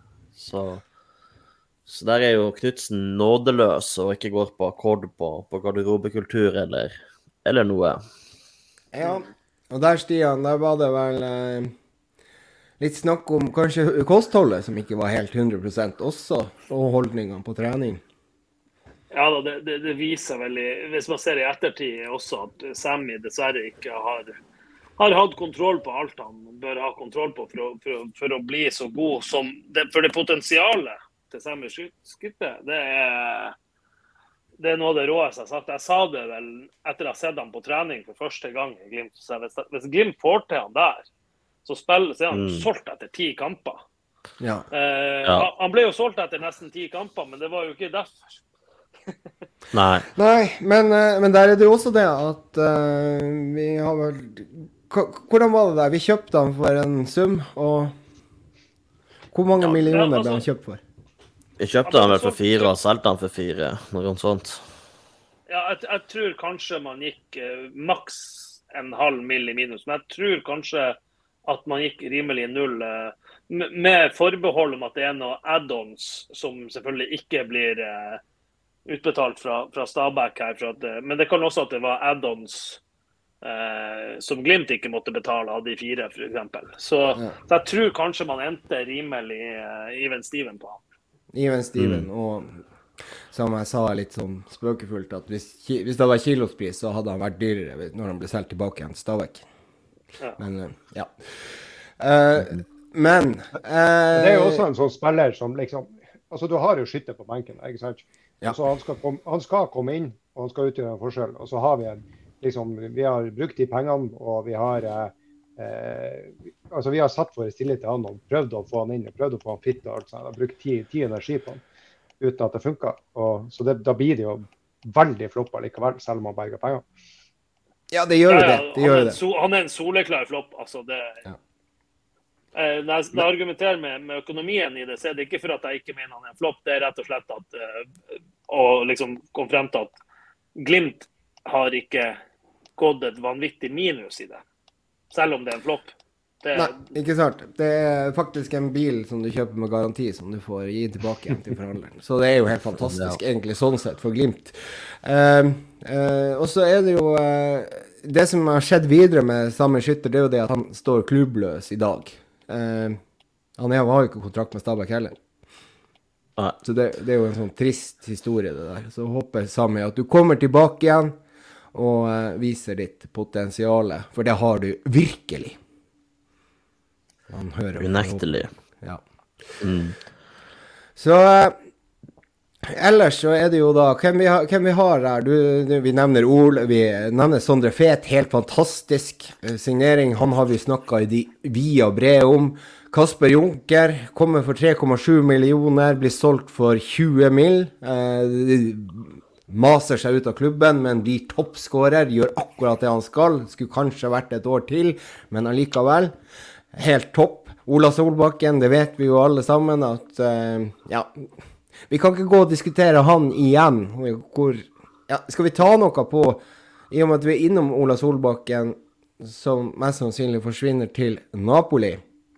Hvordan kommer det til å gå der? Et, et Altså, på- spørsmål jeg har lyst til å slenge ut. Ja, Hvis vi ikke, hvis vi ikke hadde spilt i europacupkampene, hva hadde vi da syntes om Solbakken? ikke sant? Ja, og det har vi kanskje vært innom før, at uh, Ola Solbakken er jo bedre i de kampene hvor vi får bakrom å, løpe i, enn i de kampene hvor man kanskje må, må, må tråkle litt mer, selv om han har tatt steg der også, syns jeg, etter at han kom. Ja, fordi at eh, tallenes tale sier jo da i 2021 så har han både seks mål og fire målgivende i Eliteserien. Og så er tallene helt andre i Europa. På mye færre kamper. Ja. Uh, Alfons Samsted også. Uh, fantastisk uh, signering. Marius Høybråten, outstanding. Han er vel uh, sikkert nå den, spiller, den midtstopperen som har spilt mest etter at han ble henta. Uh, Sjøl om Lode og Mo, når, når de har vært skadefrie, har vært det foretrukne stopperparet, så har de jo aldri vært skadefri samtidig, nesten. Så, eh, så han er jo en eh, helt fantastisk signering. Og han møtte vel eh, Vegard Bergan og Avisa Nordland på flyplassen, om jeg ikke husker feil. Ja, Ja, det der, var, det der var en fantastisk morsom eh, greie for oss, i hvert fall som journalister. For for vi fikk jo høre at, at dette er i ferd med å skje. Og her er det liksom OK, her Og det, her, det er jo spilt en del av sesongen. Det er vel kanskje 2019 jeg ser på nå. Men, men det er jo spilt Altså, Glimt skal bytte stopper her. Det, det har de jo funnet ut av. Eh, Og så, eh, så får vi høre at dette er i ferd med å skje. Og så, så sier vi men hvis Marius Høybråten kommer med flyet klokka tolv Vegard Bergan skulle fære klokka tolv. Og jeg ringte, til, jeg ringte til en kjenning på flyplassen og sa kan du være så snill å få oss gjennom den, eh, den sikkerhetskontrollen. Ja, ja, bare kom dere. Så der står jo vi med, med, med Vegard Bergan. Vi sitter sammen med han. Med, han med Freddy, og så fantastiske fotografen Tom Melby er med. Og der kommer altså Marius Høybråten ut av flyet. Ser Vegard Bergan, gir han en bamseklem og lykke til videre. Jeg skal ta over her. og ja, så, så det, jeg, jeg syns det her er helt fantastisk. Ja, det, er, det, der, det der er jo det mest legendariske bildet. Det, det, det der er godt jobba, Stian. Eh, Og, og, og for å ta Marius Høybråten, ta 2020-sesongen. Nå, nå er det jo selvfølgelig bytta her òg. Marius Høybråten spilte 29 kamper for Bodø-Glimt i 2020. Marius Lode spilte 26 kamper for Bodø-Glimt i 2020. Dette er seriekamper.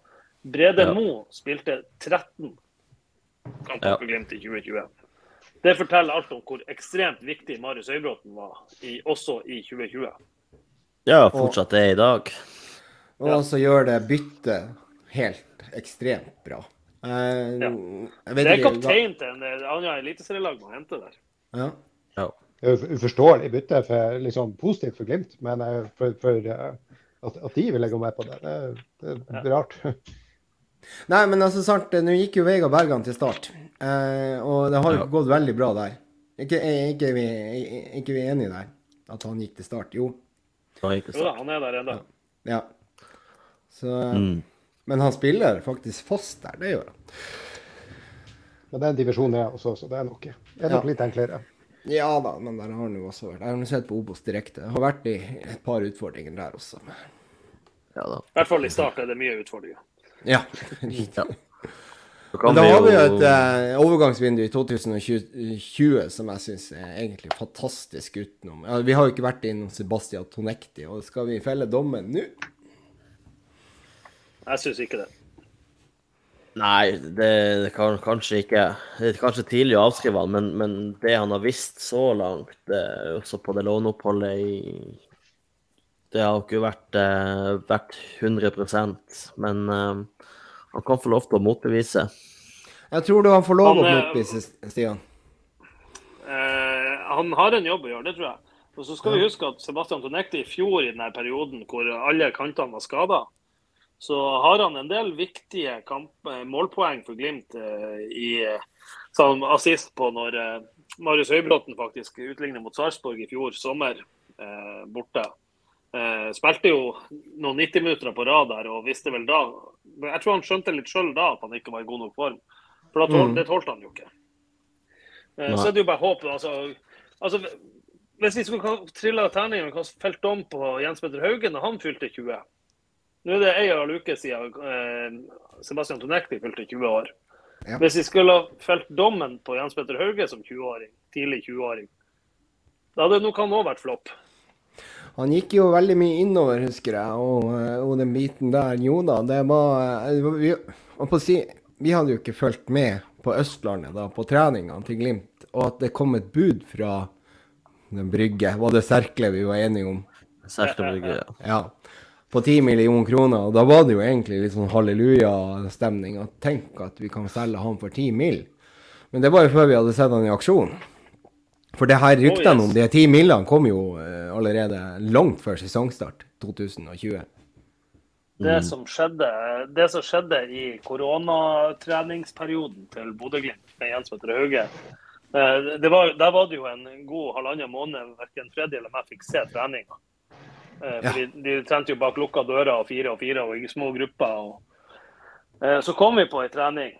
Og noe av det første vi ser, det er at de skal spille 11 mot 11 og Jens Petter Hauge tar med seg ballen på hælen på midtbanen og sprenger fra Brede Mo med ball og skårer. Eh, og vi bare sånn OK, hva skjedde der? Eh, og så ser vi at han gjør jo ikke det, da, men han gjør masse bra ting. Både den dagen, dagen etterpå, dagen etter det. Og da eh, skal vi ha en prat med Kjetil, og så spør jeg bare Kjetil, du, er det vi som er hjerneskada her, eller har det skjedd noe med Jens Petter? Og han bare nei, nei, nei, han har knekt noen koder. Han er så god nå. Han har virkelig bestemt seg. Nå skal han bli god. Uh, og ja, det ble han. ja, og, og, da er det jo hvem, Hvordan fikk Brygge da nyss i det her? Nei, han, jo, han, starta, han starta jo sesongen 2020 fantastisk. Det er jo da det kommer opp. Ja, men jeg tror det var før uh, sesongstart. Nei, at det, det kom jeg, rykter om Jeg tror jeg har feil, ja. OK, greit. Ja, det, det, det, men eller, det er ikke sikkert du har feil, for, for Jens Petter hadde jo et navn fra, eh, fra å spille landskamper. Ja. U19, altså U-landskamper. Så, så, folk har jo sett et potensial der. Uh, men at det skulle slå sånn, og så måten han velger å bli Glimt på, er jo fantastisk. Vi skal ta gull, jeg skal være her. Og når han da velger å gå til uh, AC Milan, så er det sånn Gullet er sikra. Jeg har gjort jobben. Nå kan jeg dra. Ikke sant. Ja. Men altså, da, da, har du en, en, spiller, altså Jens Petter Hauge, som knekte koden på hvor mange uker? Nei, det var jo Er det fem-seks uker det var, det var, rimelig sånn koronatrening? Riktig. Ja, Så Sebastian Tonekti, der har du eh, motivasjon. Han, eh, ja. jeg, jeg, jeg, har jo vært og sett litt treninger, og er det en som må sprenge ekstra. Så er Sebastian Tonekti. Nå, kan han jo ikke spille for Glimt før eh, ja, på mandag er det jo 1. august. Da er han jo offisielt Glimt-spiller igjen. Så han har jo ikke ja. kunnet spille de her ukene her nå. Uh, men, uh, men, han blir i hvert fall peisa av Ørjan Nygaard, som ikke er en mann jeg har lyst på som personlig trener. Ikke sant? Hadde, hadde vi kanskje nytt godt av, både jeg og deg. ja, det... det er ikke noe tvil om at Tonekti er, er en flopp i Glimt. Men uh, jeg er også jeg, jeg, blir, jeg, jeg, blir kjempeglad hvis han motbeviser det. Ja. Altså, kjør på, Sebastian. Det er bare, det er bare motbevise meg. Det brukes som motivasjon, men per nå, ja. Ja, men Da må jeg stille spørsmålet. Får han lov til å kjøre på? For jeg sitter jo og ser ikke sant, Kontraktsituasjonen til Sebastian Tonekti den er som følger at den går ut til sommeren, altså neste sommer, juli. Han har ett år nå. Og da er det liksom spørsmålet Vil Glimt han på å si, satse på han? Han har en høyrefot av venstreving. Skal han spille på høyreving? Skal han spille på venstreving? Det er det første spørsmålet. Men samtidig så er det jo det, hvis han slår igjennom, så vil han være free agent idet han har slått igjennom ordentlig. Og det vil jo være f.eks. i et gruppespill i Europa på, på, på, eh, til vinteren, eller eventuelt eh, det, det, er da vi kommer til å få se fruktene av det her. Bør Glimt da eh. gå inn i en kontraktsforhandling med han før han slipper han på banen? Er det noe taktikkeri her, eller vil Kjetil bruke han selv om han har en kontraktsituasjon som tilsier at det her er egentlig bare å gi altså, ja, gi en spiller som forsvinner, en sjanse. For, for, min del, sånn som jeg kjenner Kjetil Knutsen, så kunne ikke han ha brydd seg mindre om kontraktsituasjonen til de han bruker. Hvis han mm. mener at Sebastian Tonekti er det som skal til for at Bodø-Glimt skal ha det beste laget på banen, så blir Sebastian Tonekti til å spille. Eh, det, er det, det, det, er ikke det minste tvil om. Det er bare å se når Ola Solbakken kommer tilbake med skade. Alle skjønner jo at det er 97 sjanse for at han forsvinner fra Glimt. Han går jo rett inn på laget. Altså, Glimt kunne jo ha gjort som, som har skjedd i andre klubber før, at de fryses ut og, og får sitte på benken og holdt på å si, og råtne til, til, de er ferdige. Det skjer ikke i Bodø-Glimt. Der spiller de elleve Kjetil mener er best. Men bruker han altså Han fryser ikke noe ut i forhold til sånn, feil, feil, å bruke ordet frys, eller sånn, begrepet fryse ut, men men eh, folk, folk, får spille selv om det er kort kontrakt igjen. Men enn på andre ting, da? Hvis de f.eks. har utvist dårlige holdninger, eller eh, ja, så, sånn der type ting. Det, det sitter kanskje du på noe litt mer sånn følelse av enn hva vi gjør. Ja, altså det Nå syns jeg jo det har vært ekstremt lite dårlige holdninger i Bodø-Glimt de siste årene. Jo, eller, eller andre eh, ting. Ja, ja men eh, ta Sammy Skytte, da. Eh, han er vel det nærmeste vi kommer et, eh, en eh, som har slitt litt og, og ramla litt ut. Og han røyker jo lengre og lengre og lengre ut av laget og til slutt ut av troppen og til slutt ut av klubben. Mm. For Det er jo mange som har reagert ut av supporterne. Jeg har sett på at de har en sånn konspirasjonsteori på at Kjetil Knutsen liker ikke Victor Boniface. Det er derfor han ikke får spille mer. Ja, det, det, tror jeg er en konspirasjonsteori. Ja, det, det, tenker jeg òg, men det er jo greit å spore. Ja. Ja, ja, nei, for altså, i hvert fall sånn, sånn som, sånn som jeg ser på trening, så jobber Kjetil veldig mye med Viktor. Eh, for å få han til å, holde på å si, skjønne rollen. og har, De har jobba voldsomt mye med dette med presspill på han. Eh, mm. Som jo er Det er jo den største bøygen som har vært med Viktor. Det er jo presspillet. Og det er jo der som har vært litt av grunnen til at de enkelte kamper har valgt Runar, det er jo for at Viktor skal, nei, ja, Runar skal sette et presspill og slite ut motstanderen. Eh, og så skal det være litt rom og litt, litt slitne bein når Viktor kommer inn.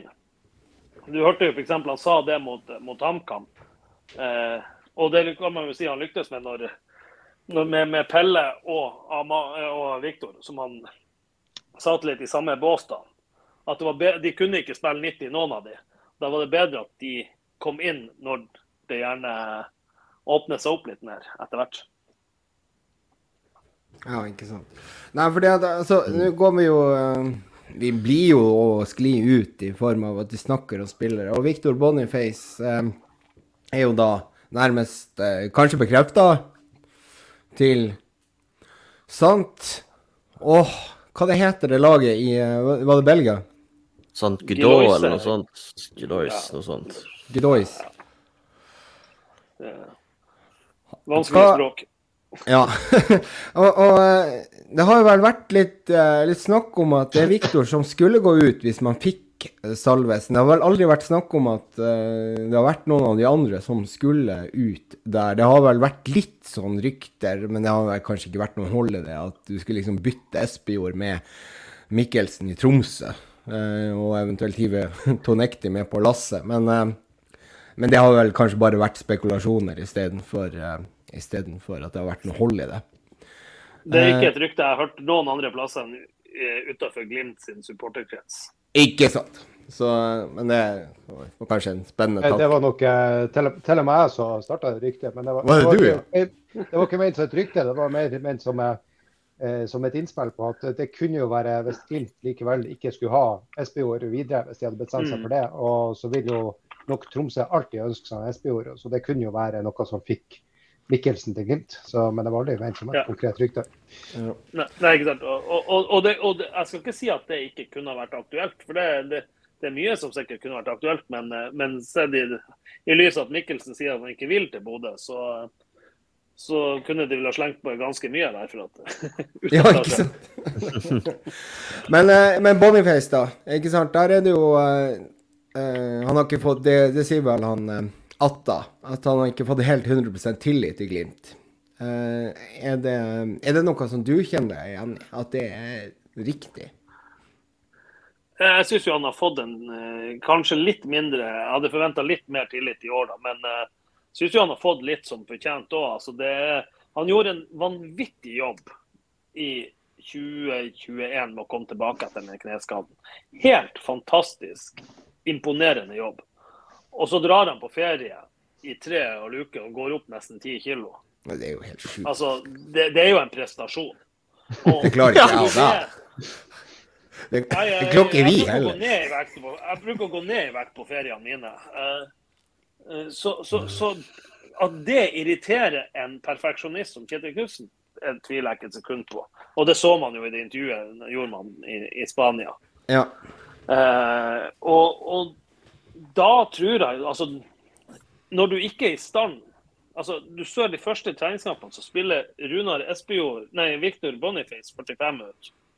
Og så spiller Lasse Nordås 30 minutter, og så spiller Runar Espejord 15 minutter. Altså, du, hadde, du, hadde, du hadde én spiss som var i stand til å stå mer enn noen gang, og det var Lasse Nordås. Ja, ikke sant. Eh, men han var den Han var jo dessverre tredjevalg. Ikke sant. Men hvordan, hvordan responderte Boniface på den? Eh, for det er jo sånn, Når Kjetil Knutsen går ut i media og er irritert, så, så må du gjøre noe med, med spilleren. Altså, er han liksom, tok, tok han det til seg? Så, man ser jo på han at han har jobba med det sånn fysisk. Ja, ja. Det er jo ikke noen tvil om. Men uh, hvordan, var, han mentalt etter det? Var, det liksom, var han irritert på Kjetil, eller var det liksom Faen, her, har jeg fucka opp? Eh, sånn, Viktor er, en, ikke den letteste personen å komme inn på. Heller ikke for oss journalister. Eh, han er en av de liksom, jeg føler aldri jeg vet helt hvor jeg har han. Eh, så jeg fikk aldri noe sånn at han sa at det der synes han var unødvendig. Eh, eller noe sånt. Men han var hele oppholdet i Spania så var han smilende og blid og hyggelig. og eh, følte jeg, Sånn som så, så, så, jeg prata med han, så følte jeg ikke at han gikk i kjelleren av det der. Eh, jeg kjørte en tur med han. han han ødela fotballskoene sine i Spania, så vi kjørte for å se om vi fikk tak i et par nye fotballsko. Så da satt jeg i bilen med han i 40 minutter eh, og prata. Men da Han nevnte ikke det i det hele tatt. Og, og var, da ble det jo mer som prat om hvordan er det i Nigeria. For jeg er jo litt sånn interessert i hvordan, hvordan er det der han kommer fra. Så det var litt mer sånne ting vi snakka om da. Men han, han, var ikke noe sånn han sa at det der syns jeg ikke Kjetil skulle ha sagt. På noen måte. Nei, for det, ja, det er jo akkurat det som er at uh, uh, Altså, det, det, er snakk om 20 millioner kroner. Vi har en, to korsbåndskader på samme kne. Uh, føler vi at det er riktig sum? For det har jo vært liksom Noen mener jo at det burde være 50-70 millioner, andre selv ikke over, under 100 millioner kroner. I form av at f.eks. Abotheim gikk for så mye. Eh, hva tenker eh, vi om det? Bør eh, Glimt da La oss si at summen er 20 mill. uten at det er 100% bekrefta. Hvor mange prosent videresalgsklausul Hvor mange prosent videresalgsklausul, eller hva det heter, prosent videresalg skal man få videre? Ja, det Ja, nei Jeg klarer ikke å si den setninga. Jeg sier får man 20 mill. og 20% så Ja, jeg det er helt greit for, for Boniface med Altså, ja, potensialet hans, råmateriellet han har, er, er nok verdt mer, men så er det med de skadene, det er kontraktslengden, ett og et halvt år igjen, ikke sant. En del momenter som gjør at prisen plutselig synker veldig mye, og så har du det er også risikoen at han plutselig ikke er verdt noe hvis han ryker til korsbåndet for tredje gang. Uh, så, så, jeg tror størrelsesorden og timing er, er, grei nok, og også med Salvesen inn, så syns jeg det, det, er helt OK å, å selge Boniface dersom det, det som har vært i Nettavisen erfarer i dag, er, ja. er riktig. Og det er vel kanskje noe som også Stian erfarer?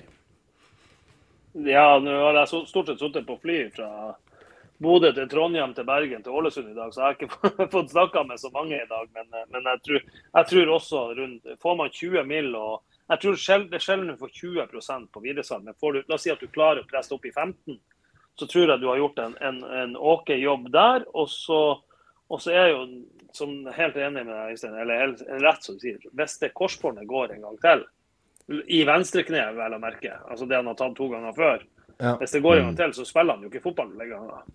Og det er, er jo en Det er jo en Noe som ligger der. Eh, det er ingen som blir å betale 50 millioner for en, eh, for en, eh, for en spiller som har spilt i Norge, som har den historikken før de er 100 og hadde, det vært om tre år, for å si det sånn, så kanskje. At han har vist at han har stått distansen i tre år, så kanskje. Men jeg tror ikke noe, sånn at noen kjøper en usikkerhetsmoment som det er dessverre der med, for 50 millioner, sånn som ting er nå.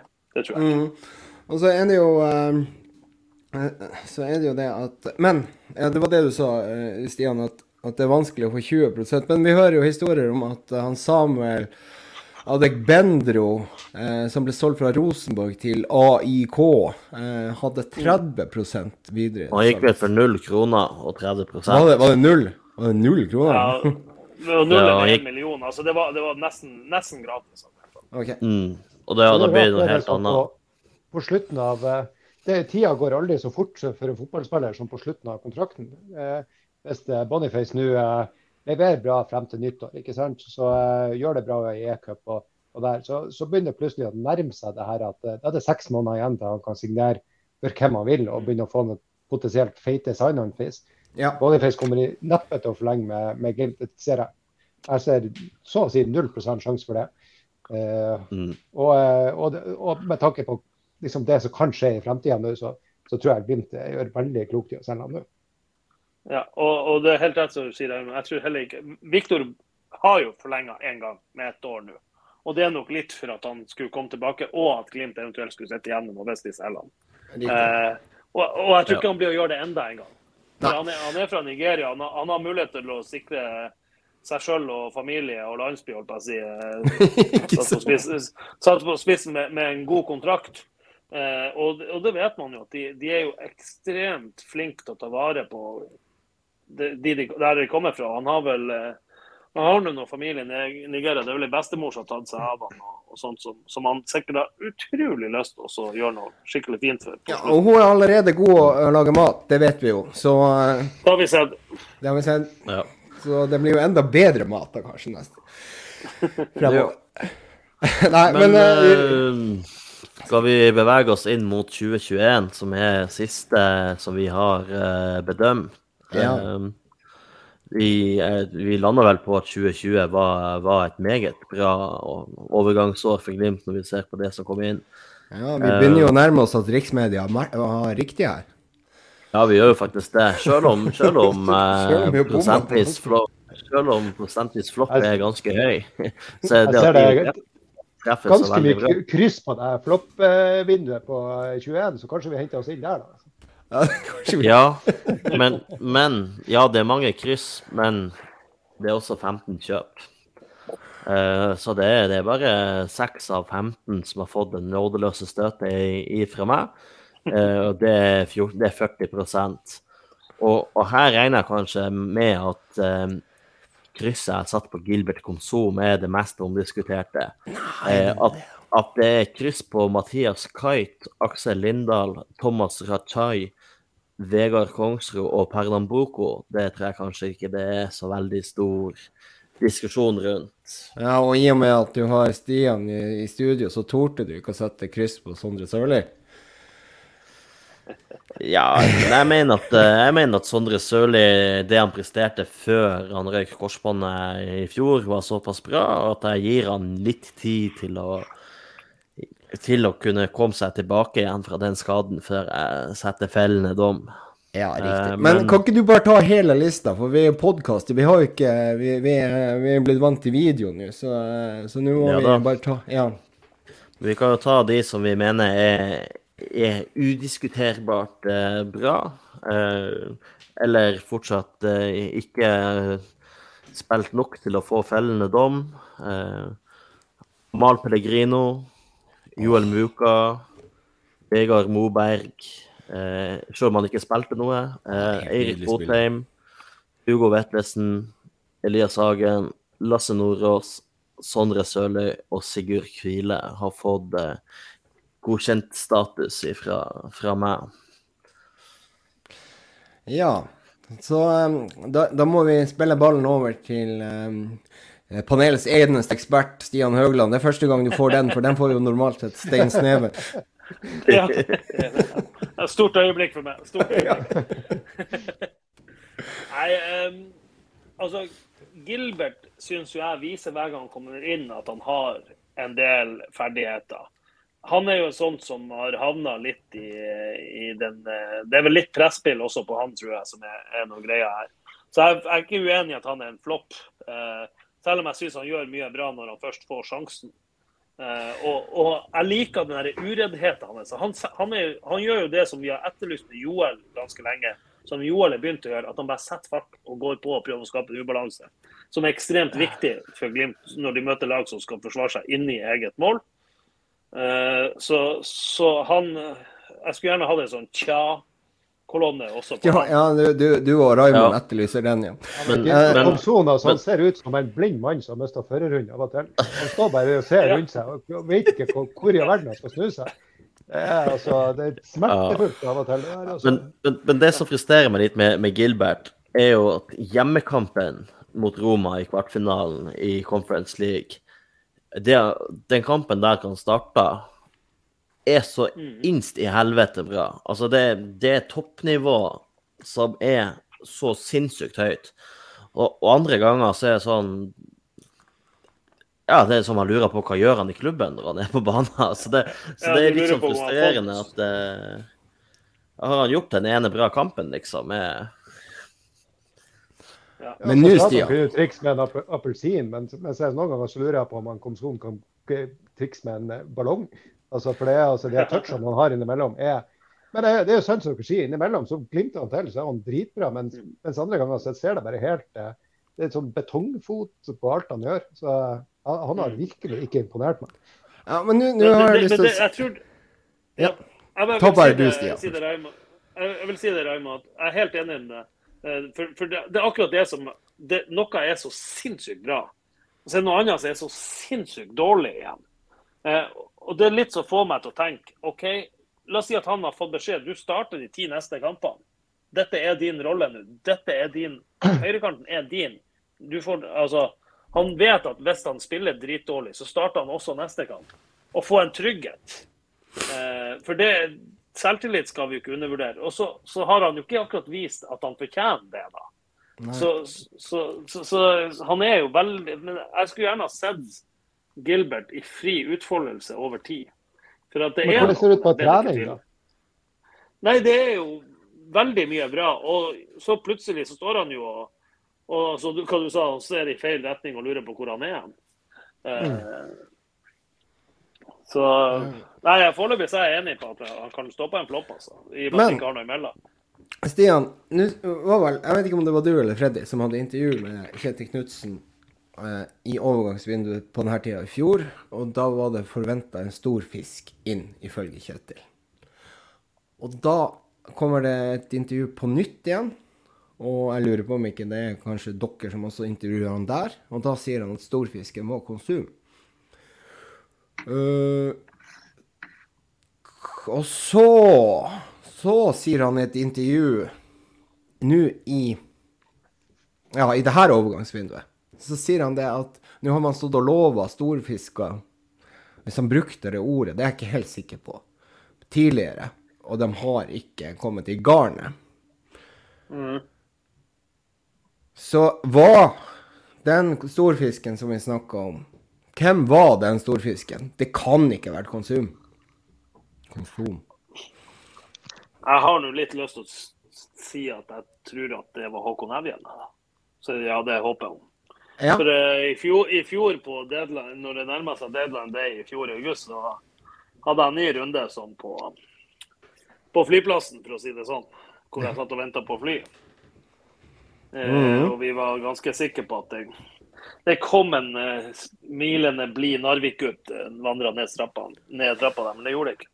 Det er akkurat det som jeg hadde tenkt.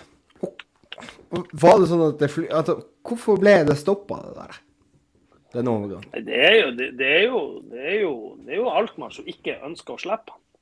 Ja. Det, Men var det, noe Var det noe snakk om altså, altså hadde de, hadde de dem på glid? Hadde de Altmann på glid, eller hadde de ikke det? det? Jeg har aldri fått noe godt svar. Jeg har en sånn følelse at eh, La oss si at det var 70-30 sjanse for at han Eller 30-70 ja. han kunne komme. Eh, og det er vel kanskje noe av det nærmeste det har vært. Men eh, så så vi også i vinter, så var det vel når plutselig Håkon begynte å spille i det vinduet i januar. Ja. når, vi, når, jeg sa til Håvard Sakariassen at Håkon Evjen starta i vinter, og det trynet Håvard Sakariassen satte opp da, nå, i dag, da skjønte jeg at det var et lite slag for Glimt. Så jeg tror de hadde et enormt håp om at de skulle få han i vinter. Eh, uten at vi noen gang fikk det bekrefta, men det så sånn ut. og, og Håvard er jo den i Bodø sikkert som snakker mest med Håkon. Eh, Håkon bodde jo hos Håvard, og, så der ja. er det nok mye kontakt, så ja. Nei, for det, det var jo det også. Det er jo han eh, Andreas har jo vært i podkast med Niklas, og der snakker de om at kanskje den sosiale delen har vært litt vanskelig i i Alkmaar. Eh, men så det kommet inn en ny eh, svenske der. Han, super, eh, han som hadde det der superskuddet. Han skjøt jo hardere enn Tom Kåre Størvik. Ja. ja. Eh, han var visst blitt kompis med, med, med, Håkon. Så da hadde det vel ordna seg. Håkon, er en sosial gutt. Veldig ja. sånn sprudlende, jovial, fin fyr. Eh, og Så flytter han ned til, til Amsterdam, og så stenger verden ned. Eh, du får ikke lov å gå på besøk til naboen omtrent. Eh, så, så det klarte klart det der var tungt for Håkon. og Da er det ikke så lett å heller bli kjent med sine nye lagkamerater hvis du aldri kan være i lag med dem enn på treningsfeltet. Riktig. Så, så, så jeg, tippa, jeg, tippa, uten at jeg vet det, så tippa jeg at det var, har vært en liten, sånn, litt tungt for, for, Håkon akkurat det. da. Men da sier vi det sånn at du sto og venta på eh, Håkon Evjen, og ut av flyet kom Gilbert Konsum. Eh, nei da, det kom ingen som frie der, da. Men... det er jo litt sånn, Jeg er en sånn type som jeg, jeg er ikke noe sånn, Når de forlater Glimt, så har jeg ikke noe, noe, noe mer følelser for de her spillerne. Men når jeg ser eh, Håkon Evjen spille for Aset mot Glimt, så ser du sånn Faen i helvete, så han skulle ha fått tilbake. Han er, han er altså så god på det. Han, på det altså, han, er, han, er, så god på sånn rollespiller. og Jeg bare satt og tenkte under den kampen der at, at ikke han spiller fast på Aset. Du ser flere ganger hvem det er hvem er han vinner ballen ifra på Glimt? Er det Bryce? Bryce? For da hadde Bryce spilla Bris. Bris, Bris, unnskyld. Da, da, hadde han spilla uh, veldig bra i, i tidligere, i, og, og likevel. Og, og Håkon bare sabla ned, stjeler ballen fra flere ganger. Og herregud, hva han jobba. Og den pasninga han slår ja, til, den ja. på overtid der Jeg, jeg, jeg venta enda på at nettet stoppa. Ja, det gjorde jeg også. Det, det var var han Pavlo, Pavladovic som bomma der, var, eller var det han der? Nei, var det ikke han stopperen? Var det ikke kapteinen? Ja. Tror det var, var stopperen. Ja, det var det. Ja. Men det var kaptein. Mm. Men jeg må skyte inn en ting her. Sondre Sørli han er en flopp for meg. Altså, han har skal Vi se på, vi må jo se det på kurven òg. Og han har hatt en nedadgående kurve. Ja, han har nettopp vært skada, og, og, han gjorde det bra før han ble skada. Det, det, skal jeg være helt enig i. Men du ser det ganske hjelpeløst ut ute på banen der, altså. Kanskje han skal få mer tid, men her, nå Assisten til han Espejord. Ja da. Ja da. Men uh, det har vært mye Det har vært mye tynn suppe, altså. Jeg syns ikke han er flopp uh, enda. Uh, han hadde en veldig god start. og Senest mot HamKam nå, så fortalte han at uh, når de spilte på den betongbanen som får holdt på å si, Raymond, vi skal ta noe vi kjenner godt på da, du, Gunstredet på Tverlandet. Får det til å fremstå som en, som en Premier League-stadion. Eh, så da, da, sa han, når vi møttes i, i Belfast dagen etterpå, at eh, han kjente det vanvittig i operasjonskneet. Eh, så, og, eh, og, det forteller meg at det er noe mer der. Altså, det er ikke bare pga. banen. Han har fortsatt litt smerte av og til. For det kan ikke ha vært bare pga. at det var hardt i den kampen. Ja, så, så han er nok ikke 100 ennå.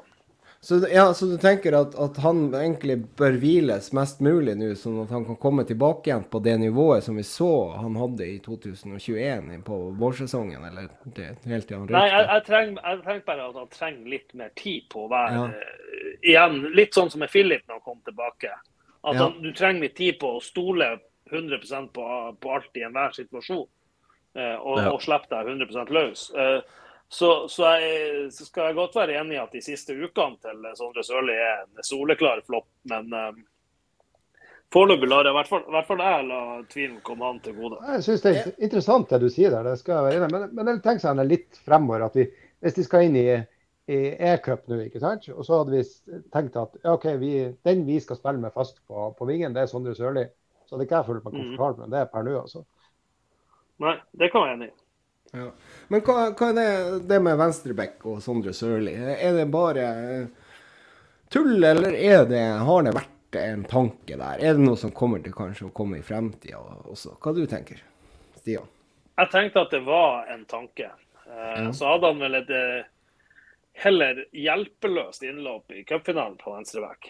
Eh, mm. Hvor han ikke lykkes med noen ting, verken han eller noen rundt ham. Eh, og siden den gang så har han vel knapt vært på venstreback. Og jeg registrerer jo at det er Ask Kjerransen Skau som har kommet inn som venstreback i to kamper på rad. Mens Sondre Sørli har blitt uh, i den ene sittende på benken i hele kampen, og den andre kommer inn som venstrekant. Så, så det virker jo, akkurat det tyder jo på at de, de ikke har tenkt uh, veldig mye på å bruke han der videre. Ja, ikke sant. Eh, bare, bare, sånn, jeg vet ikke, men er han Ask, er han venstrefota? Ja, ja, veldig. Ja, han er det, ja. Glimt, det Glimts jo... desidert beste venstrefot. Og kanskje eneste. ja, Sørli har en bra venstrefot. ja. Ola Solbakken Høybråten også Ja, Ola Solbakken har vel ja. Er Høybråten også venstrefota? Ja, han Høybråten er også venstrefota. Han, ah, ja. han skåra vel vinnermålet mot, uh, mot Sandefjord i 2020, mener jeg, langskudd. Men du som ser Ask mer enn oss 4-5-0. Ja, sånn var det, ja. Du som ser Ask mer enn oss, er det sånn at har han en pasningsfot som liksom kanskje er Glimts beste, liksom? Jeg syns han har Ja, ja frisparkpoten hans mener jeg er Det irriterte vettet av meg når Victor Boniface skulle ta det frisparket mot Jerv. At ikke Ask kunne gå og lime den opp i krysset. For det gjør han gang etter gang og dag etter dag på trening. Eh, så, så, men det er, jo litt, det er jo litt rang i dette òg, selvfølgelig. Så, ja, men er han Tom Kåre Staurvik på frispark? På trening? Nei. Ja, nei, nei han, han, skrur jo. Han skrur, han skrur ja. Han skyter hardt, han, han skyter hardt og skrur. Så ja. Litt sånn nei, jeg, jeg, jeg, jeg har veldig sånn ja. Jeg har veldig sansen for Ask. Og så har jo han hatt en utfordring, dessverre, at han, han klarer jo å skade seg. Eh, så han, han trente i tre uker, så han er ute i ei eller to uker. Eller så, du så jo når han for til start i fjor, så var han og velta på sparkesykkel. Og, ja, så det har, ja, vært, det, det har vært litt tull. Det har vært litt, eh, dessverre litt, litt stang ut for Ask. Men det, det er en spiller jeg har både sansen og trua på. Ja, og hvor du, hvis du skal tippe hvordan posisjon han ikke sant? Nå har han blitt brukt både sentralt, i midten, venstreback. Kanskje han kan også spille stopper. Eh, hvor er han best hen? Eh, PT så syns han er best som sentral midtbane, men han er vel fort tredjevalg der. Så ja. da er Ja. Men, men sånn, sånn, litt sånn som jeg tenker, så er, så er han sentral midtbanespiller. Ja, ja, riktig. Yes, da er det jo uh, 2021, da. Skal vi ta en uh, kort oppsummering? Ja, vi var jo egentlig ikke innom Mathias Kite. Der har vi satt han som flopp. Men uh, så har du vel kanskje litt informasjon om Mathias også, Stian? Ja, altså, han er en flopp. 100% en flopp. Ja. Men han, han, blir vel henta i en periode hvor Glimt skjønner at det blir ganske mye kamper nå. og så må de ha inn Han, for han henter seg utenfor overgangsvinduet siden han er uten, uten, kontrakt. Så jeg tror Glimt henter han rett og slett for å ha litt ekstra backup i fall de får masse skader. Og ikke minst ha en som eh, kan være på trening. Eh, som ikke koster noen ting omtrent. Jeg tror han hadde minimumslønn omtrent. Så, så, så, så jeg tror han rett og slett er henta for, for, å fylle opp i en skadeutsatt tropp eh, i, en, i, en, hektisk periode. Og så jeg, jeg så ble han skada sjøl, gjorde han det? Ja, han fikk jo en hjernerystelse som eh, Han, han, han satt jo på et mørkt rom i, i ukevis. Eh, Etter å ha kjørt så, bil ekstremt langt òg. Ja, ja, ja. Før jeg var på seg biltreff back in the day, så hadde du sånn en pokal for longest distance. Den, den går til han Kai. Ja. Eh, det var alltid noen fra Finnmark som vant. På, Ja, ja, det er jo klart. Vi vinner jo hver gang. og, og, hvis vi skal skryte av han, da, sånn, ja. sånn eh, kom ordentlig Så gjorde han jo en ekstremt viktig jobb for å bidra til at B-laget berga plassen i tredjedivisjon. og, og, og nå skal jeg gjerne ha sagt at det er et lass med talenter der som nyter godt av det, men jeg er jo ikke kjempeimponert av det det B-laget presterer. Så det er i hvert fall et lass av spillere som nyter godt av det. Du vet du hva, der, der skal, Nå skal vi virkelig høste av Stian her. Det var jo noe, det ryktes at det har vært noe sånn på B-laget. Knutsen har ikke vært helt fornøyd med hva som, hva som har skjedd der. Og at eh, stemninga kanskje ikke har vært helt god. Er det sant? Er det, hva, hva er det som skjer der? Han er ikke så fornøyd med talentutviklinga hva som kommer opp?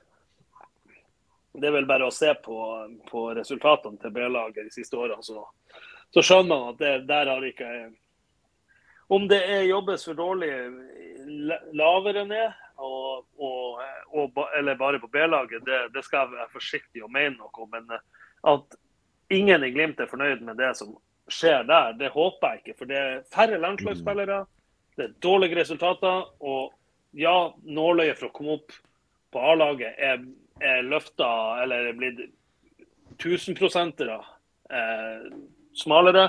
Men jeg registrerer jo at når Glimt henter fire-fem stykker som skal få lov å trene med A-laget, så er det to fra Junkeren, en fra Florø og en fra Fram Larvik. Og en fra Harstad. Det er ingen fra B-laget. Så Ikke sant. Men det, men det, er litt interessant. Vi har jo Kasper Øyvand, Andreas van der Spa, eh, som spiller relativt fast i, i henholdsvis Obos og, og Eliteserien. Jeg vet ikke hvem andre som har vært i, i det systemet til Glimt som, som er, er, i gang til til å få fine kar karrierer? Det var William Moan Michaelsen som har vært både i HamKam og Strømmen. Han er vel i Arendal kan det stemme? Uh, så, så, det er jo noen, og det, det, er jo gjort en god jobb. Og så skal jeg være veldig forsiktig med å si for mye, for at det, det, blir litt sånn holdt på å si inhabilt til at uh, Thomas Aakvik nå er en, en, av mine aller, aller nærmeste venner. Men jeg registrerer jo at når han hadde småguttelaget, 13-14 år, Eh, som han hadde i veldig, veldig mange år, så var det en del flere spillere som eh, banka både på landslagsdøra og kom, eh, fikk fine karrierer. Ja, blant annet han, han som er i, i Danmark, han Skjeldrup, var vel under han Åkvik. Og Jens Petter Hauge, Patrick Berg, Fredrik André Bjørkan. Ja. Så ja, ja, Alle de har hatt Thomas, men, men, men, jeg skal ikke si at det er Thomas sin, sin feil, for da da blir han altfor kjepphøy. ikke sant. Um, men vi har jo noe, noe spennende i Vi hoppa, vi hoppa vel egentlig fort over resten av 21, tror jeg. Vi har jo mye på programmet som vi, vi kanskje kan ikke rekker å gå Ja, Vi kan jo bare summere sånn kjapt opp at uh, der var det flopper som han uh, Lindahl, Ratai og Kongsro og Pernambuco, som var jo ganske sånn store, store uh, Ja, vi hadde kanskje trodd mye om de, og så ble det ingenting. Ja. Men, men jeg vil diskutere Vegard Kongsro. Ja. Han viser jo nå at han er en decent eliteserieback. Eh, han sto aldri over en eneste trening i Bodø-Glimt. Ekstremt viktig treningsspiller for Glimt. Han konkurrerte med Fredrik André Bjørkan. Hvordan i all verden skulle han ta den plassen? Jeg er helt enig med deg. Og jeg sa det vel for en uke siden at han eh, hvis, de skal hente, hvis jeg skulle hente en venstreback nå fra Eliteserien, så ville det vært Vegard Kongsro. Ikke sant? Han synes han er den beste, beste Glimt-backen vi kunne henta per nå i Eliteserien. Det tanken ja, har slått meg. Altså, men han, han, skulle jo hatt rødt kort etter to minutter mot uh, var det hjemme mot Stabæk. Uh, vi vant 5-0, eller hva det var. Og, og, det var vel nesten det eneste han gjorde på banen for Bodø-Glimt. Det kommer vi også huske på at uh, Tom Kåre Størvik også, ble også utvist i sin første kamp. Gjorde han ikke det? Jo da, etter 16-17 minutter borte mot Råde i cup. Riktig. Ja. Det er før min tid. ja, det, det, her snakker vi vel 90, tror jeg. Riktig. 89 eller 90. Ja, Ligger på YouTube. Det ligger det Han skårer vel først? Nei, de mm. taper 1-0. Mm. OK. Ja, da, da, var det feil informasjon om skåring først, men det var utvisning. da. Ja, bra.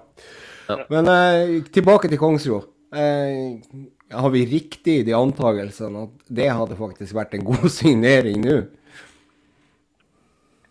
Ja, det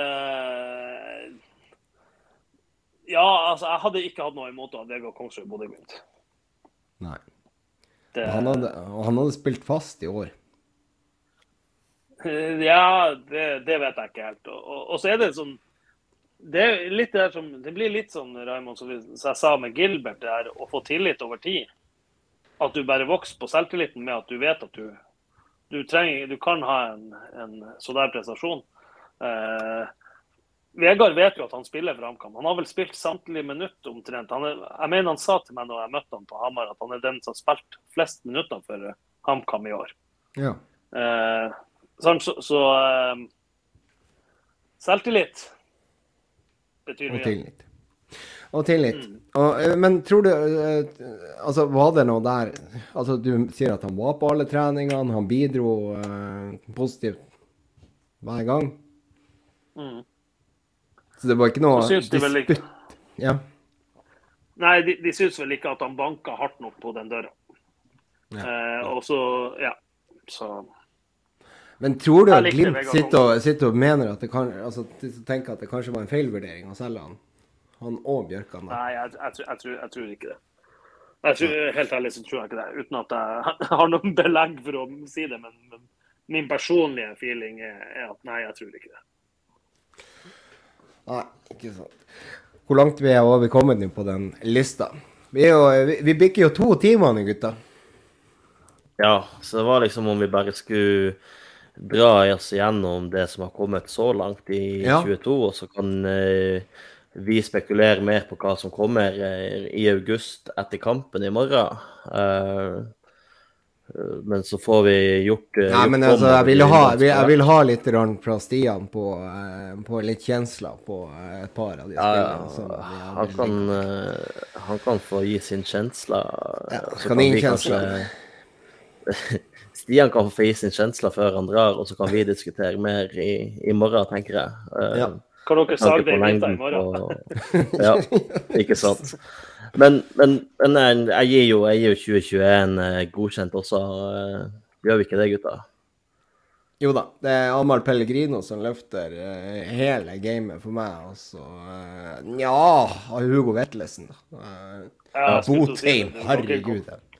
Og Botheim også. Ja, det, det, er mye bra der. Og Vegard Moberg, honorable mention. Men, men jeg syns jo, når vi ser i år, i 2022, effekten av to seriegull. Uh, og ikke nødvendigvis at vi betaler så veldig mye mer for spillerne, men for at vi ser hva det er vi, vi får inn av kvalitet. Uh, vi kan jo bare nevne uh, Sexy Larsen, U21-spiller for Danmark. Gaute Wetti, Runar Espejord. alle vet hva en fitte Anders Konradsen står for. Lars Jørgen Sarvelsen, som jeg mener er en fenomenal spiss, og Julian Faye Lund, som, som, jeg tror kan bli fremtidig landslagskeeper med tillit over tid. Fortsatt ung, kommer inn fra Rosenborg. Drar jeg på, gutta? Er jeg for, for positiv? Ja. Nei, jeg, er helt enig med deg. Det, jeg syns det ser kjempebra ut. Og det, Jeg på en måte savna det der at Glimt skulle steppe opp gamet. ikke sant? For at de har drevet på det her, solgt stjerner, henta inn fra Obos og Elverum og whatnot. og fått de opp og frem på rekordtid. og så og solgt videre. Og så, men det går ikke an å holde på med det. altså, du kan ikke lykkes med det i med evig tid. Du må ha kvalitet inn i laget. Og så, og så kan man gjøre begge deler, tenker jeg. Men derfor synes jeg, jeg synes det er så gledelig at det er kommet inn så mye kvalitet. og Det, det er masse spillere her som kan levere fra første sekund. Og så har de vært uheldige med, med skader på Espejord og Vetti og, og, ja, ikke sant. Ja, men altså, jeg har lyst til å ta Hvis vi, hvis vi skal diskutere Gaute Vetti først, da. Eh, for det, der er det jo liksom sånn at han har Elias Hagen har ikke overprestert på sentral midtbane. Det har han i hvert fall eh, ja, Det kan jo, kan jo, du si litt om, Stian, hvis du har lyst til det. Men eh, at ikke Gaute Vetti kommer inn og, griper den muligheten. Er det, ligger det noen sånne her mentale sperrer her? Han, er han litt sånn opptatt av at han har vært skada? Trekker han seg litt? Har han den mentaliteten for å ta den plassen? For jeg har hørt rykter om at han har sagt det, at han er fornøyd med å spille fem-seks kamper i år som første sesong. Og det er vel kanskje ikke den mentaliteten Kjetil er på jakt etter. Han vil ha de spillerne som sier at 'jeg skal spille alt'. Ja, litt sånn Alfons Samsted-mentalitet. Eh, ja, Gaute Save hadde vel sagt det i vinter at Men så må også ta i bakteppet at han, han, har vært ekstremt mye skada de siste sesongene. Så at, ja. Men, og, og, og, så har han jo, er han jo ekstremt uheldig. Så han kommer jo inn og spiller, starter mot HamKam. Starter jo å spille ganske bra mot HamKam. Gjør, en, gjør en solid, fin jobb. Og så får han seg en smell i kneet og får en lite strekk på et leddbånd. Som gjør at han eh, ikke kan spille mot Linfield borte. Han er ikke i troppen mot Jerv hjemme. Han varmer jo opp og er tydeligvis på vei inn eh, mot Linfield hjemme til pause, tenker jeg. Eh, men når de ser at de plutselig leder 4-0 der, så setter de inn tre, tre andre og, la, og tenker For da, og det er jeg også veldig enig med. Det er ikke vits i å ofre det kneet hans da eh, på den da, da, kan du like gjerne gi han fire dager til å være trygg på. Eh, I stedet ja, for å hive han inn fra, fra start der, og så, eh, og så Eller hive han inn i pausen. Klarer du, klarer du å lese noe på kroppsspråk? Er, er, er han liksom, blir han skuffa for at han ikke kommer inn der, eller hvordan ser han på det? Nei, altså Da satt jeg jo i kommentatorbua 100 meter unna. Uh, men, men, akkurat der tipper jeg at de tok en diskusjon med han og, og, sier akkurat det. Og kanskje sa han det sjøl òg. For det kan godt være at han, for han kjørte Jeg syns han kjørte veldig på under oppvarminga før pause. Uh, Nå skal jeg ikke påstå at jeg satt og fulgte med han så, så steike nøye, i og med at jeg nå så prøver å kommentere kampen. Eh, men, men, jeg følte at hver gang jeg så bort der, så var det ordentlig litt sånn drag og litt sånn vending på ham. Så det kan godt ja, at de, de, kjørte en te at rett og slett testa knærne. Ja. Ja. Og så kanskje, kanskje, er han litt usikker, og så sier han nei, jeg føler ikke at det er 100 Og, og så sier de at nei, men det er greit, da, da, da, da sparer vi det. Så nå har jeg ikke fått snakka med noen i dag da, siden jeg er på reise. så Plutselig så starter han mot Ålesund i morgen. Det kan jo skje. Ja, hvordan er Vetti på trening, da? Han, eh, hvis du skal vurdere de tre sentrale midtbanespillerne, som du sier, altså eh, Ask Kjerransen nummer tre i køen, eh, Gaute Vetti nummer to og Hagen nummer én. Hvem som er best på trening, ifølge dine observasjoner? Du skal sies at Det er lenge siden jeg har sett en ordentlig Glimt-trening, for de har ikke trent. Det, Nei. De, i og med at de har, så, eh, men, eh, men, før jeg dro på ferie, da, så er det rangeringa mi. Én ja. eh, Elias Hagen, to Gaute Vetti, tre Ask. Eh, og, og, så er jeg helt enig med de som sier at eh, skulle gjerne ha sett litt mer av Elias. Litt mer det der at han er flinkere til å frigjøre seg. Jo, og så er det jo litt urettferdig med, med, for Elias at vi sammenligner han med Patrick til enhver tid, for det var Patrick ekstremt god på. Uh, det er jo som nå når vi sammenligner offensiven til Glimt med 2020. Uh, det, vi legger jo ei list som, som, er mulig å rive på, for å si det sånn. Ja, den er ganske mulig å rive på. Men der ser du jo også hva, hva får, der, der, ser du jo også hva Hagen får. Nå mot Jerv og Lindfeld så blir han jo ikke mannsmarkert på en god nok måte. Så han får rom, og han er mye bedre. Så der ser, jo, ja. ser man jo hva Hagen har å tjene på å bli god på akkurat det å frigjøre seg. Ja. ja.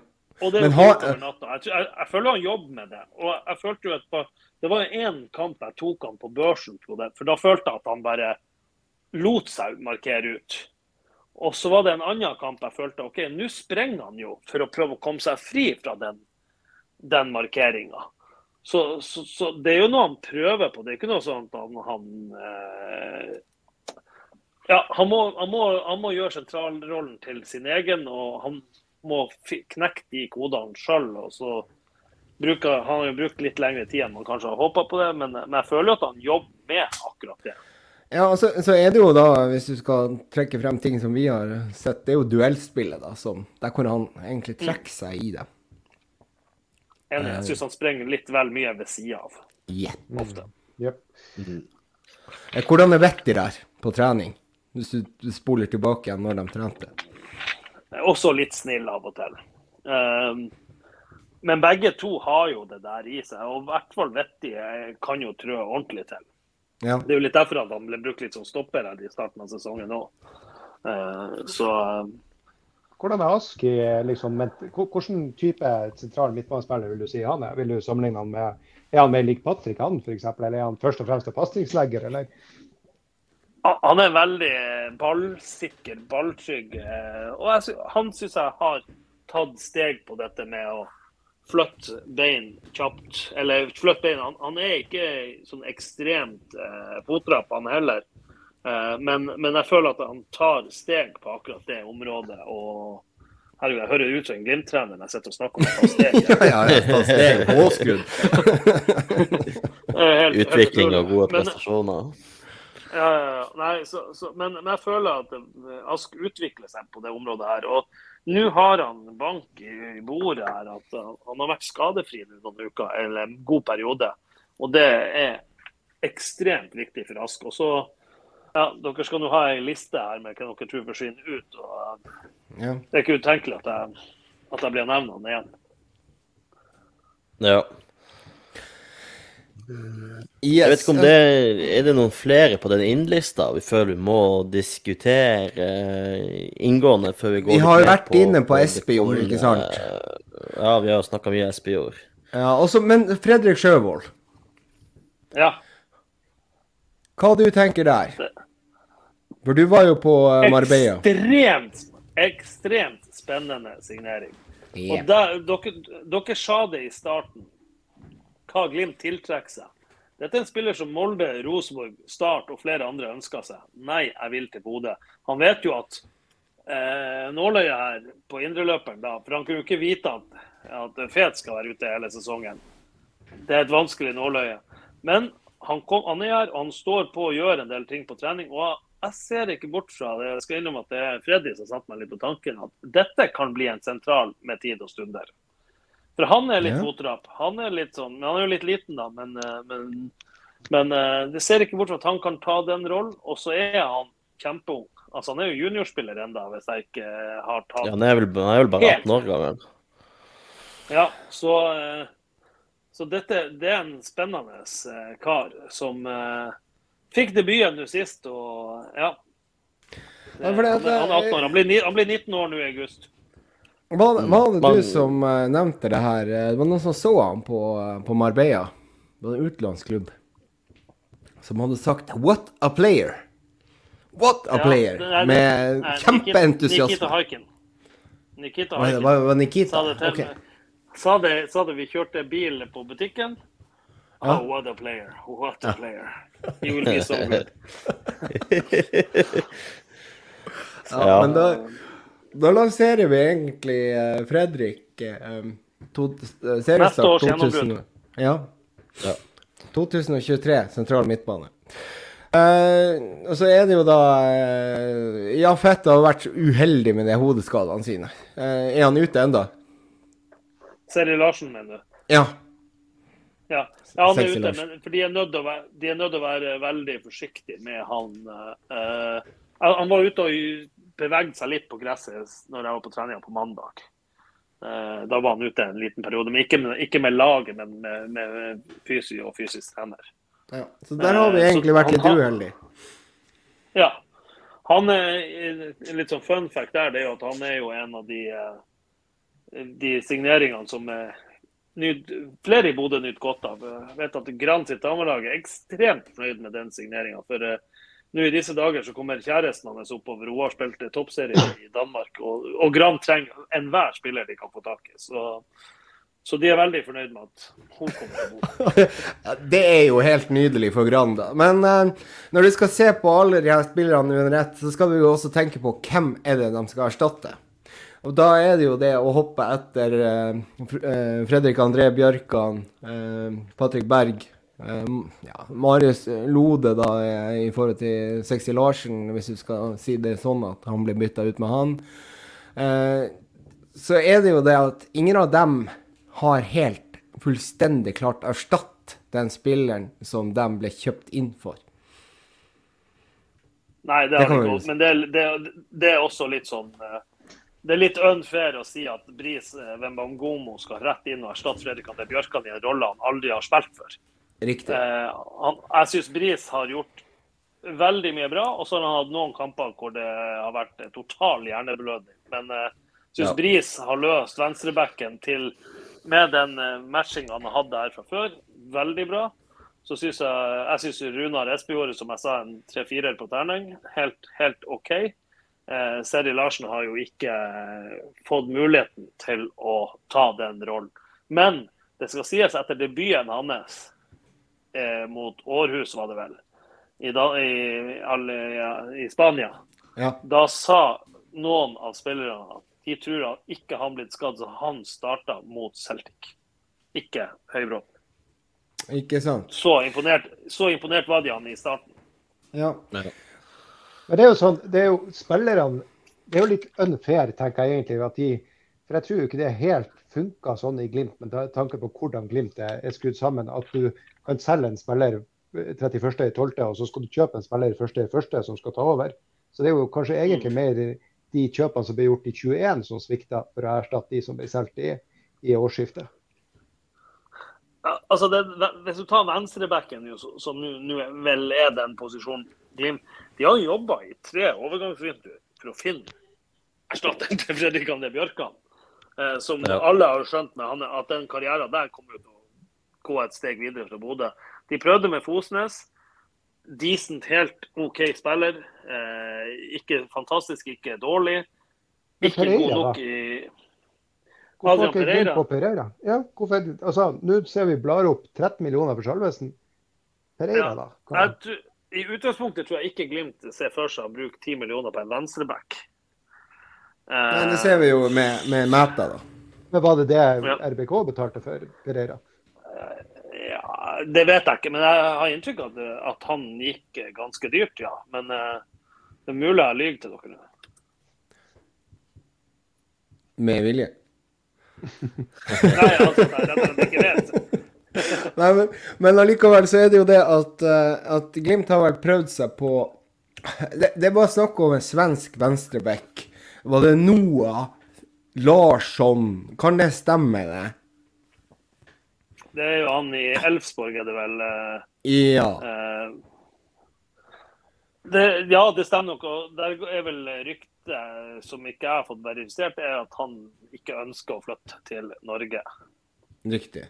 Uh, og det samme var vel med Adam. I underkant av 1 million euro. 10 millioner. Okay. Ja. Ja. Men eh, og så var det jo også snakk om Adam Var det Sørensen fra Ja. ja. Lyng, der, Lyngby. Lyngby, ja. ja. Er det, det fortsatt noe hope in the hanging snore der?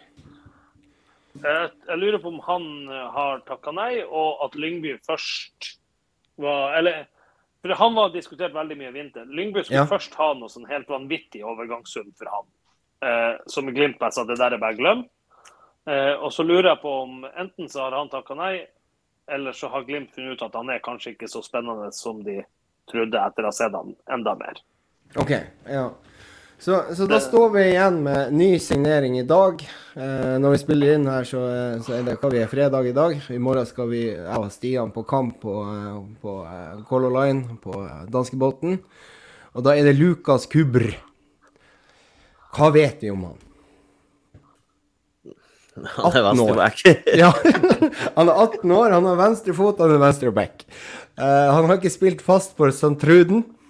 Uh, som jeg ikke kjenner til som et uh, veldig godt uh, god klubb. Vi, du visste ingenting om han, Stian, sa du, når Glimt plutselig hadde han på flyplassen og inn på Aspmyra. Har vi noe Ikke hørt om han. Nei? Nei. Altså, han har, han har visstnok vært med å spille når Tsjekkia U18 slo Norge U18 1-0 tidligere i 2022. Um, så vet jeg ikke om det er en målestokk for, for nivået hans eh, opp mot A-laget til Glimt, men uh... Er det Jonas Kolstad som har stått og sett på han og tenkt at det her skal jeg ha? Eller er det Åsmund Bjørkan eh, sitt? Det kan nok være en, en, en, en fin blanding der, altså. Det er Jonas, Jonas, gjør en, en, større jobb i Bodø-Glimt enn veldig mange er klar over. og og mm. får ufortjent eh, Eller han, han, han har fortjent mer skryt enn han nok får. Da må han få det nå. Eh, men ja.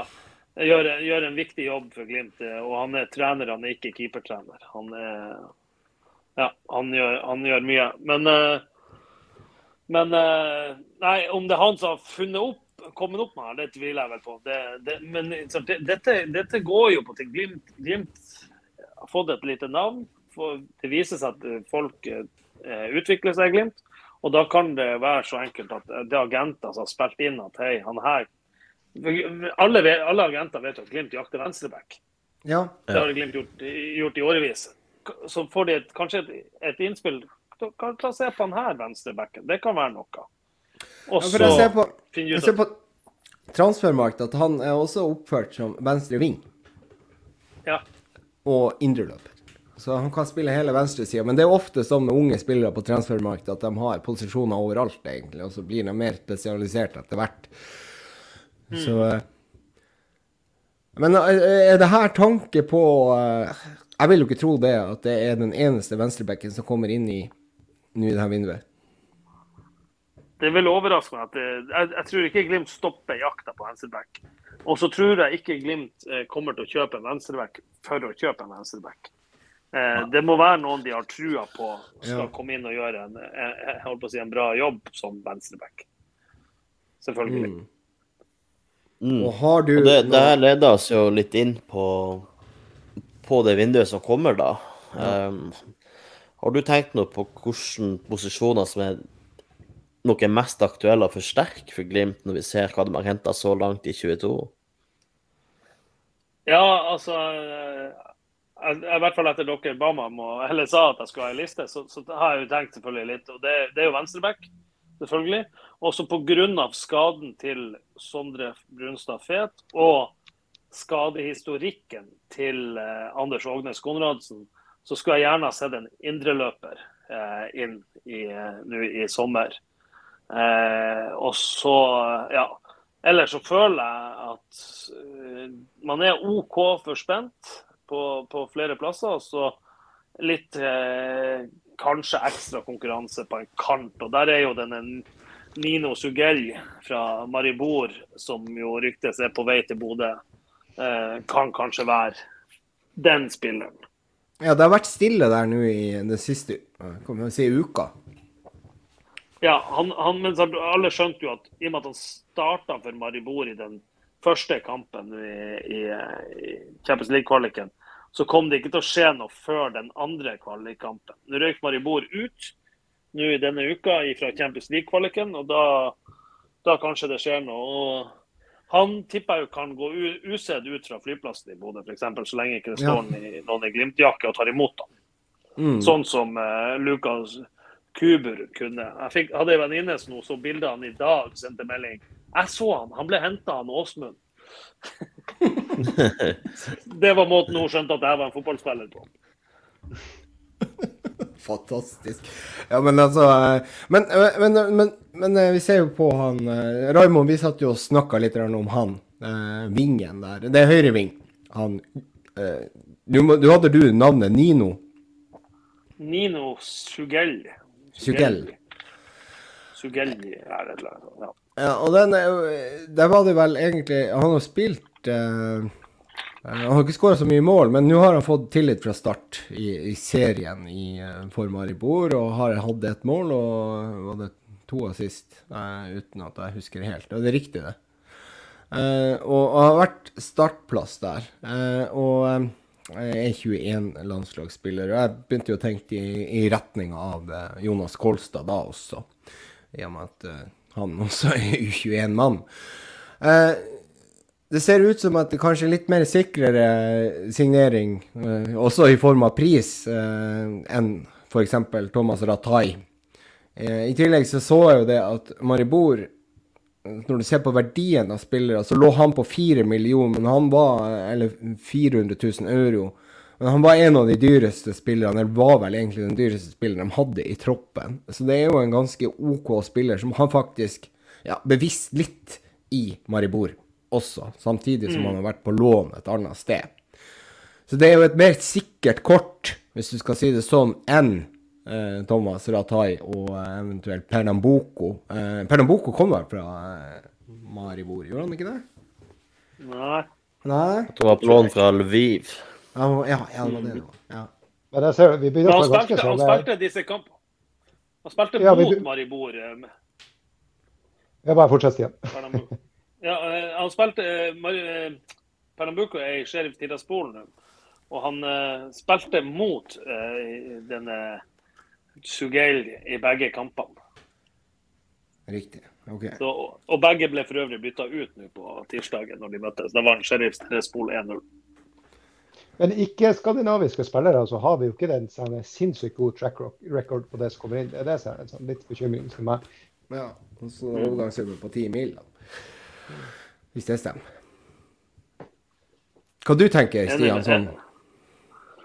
Glimt har jo sagt at de i utgangspunktet vil se litt etter det skandinaviske markedet. Rett og slett for at det er jo uh, denne muligheten i forhold til uh, altså forstå kulturen og må forstå alt.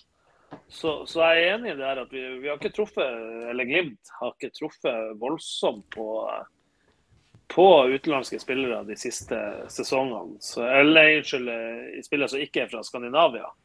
Så mm. Men det var mm. en periode man aldri traff på islendinger heller, så til slutt treffer man Nei, ikke sant? på jobb. ja. Nei, vi hadde jo Var det i 17 eh, eller var det i 16 rykka ned? Vi hadde Mockenhout og Wadi Mansson og, og de der guttene som Manson. Som man ikke traff på. Ja, men det var Sasha, Sasha Mockenhout syns jeg var en ja, han var jo han var faktisk en veldig Han var faktisk en strålende stopper. Det, det er sant det når dere sier det. Ishlivio Mockenhaupt, som vi sa i, på Champs i Glimt i sør. Ja, det, det, det gjør man. Ishlivia. Og han var tysk, var ikke han det? Jo, han var tysk. Men har vi noen spillere i Eliteserien som har slått igjennom, som er fra Slovenia? Bare sånn Noen i Rosenborg? Jeg tar ingen. Nei, ikke jeg heller. Ja, Marek, Marek Zappara, var han fra Zappara, var han fra Slovenia?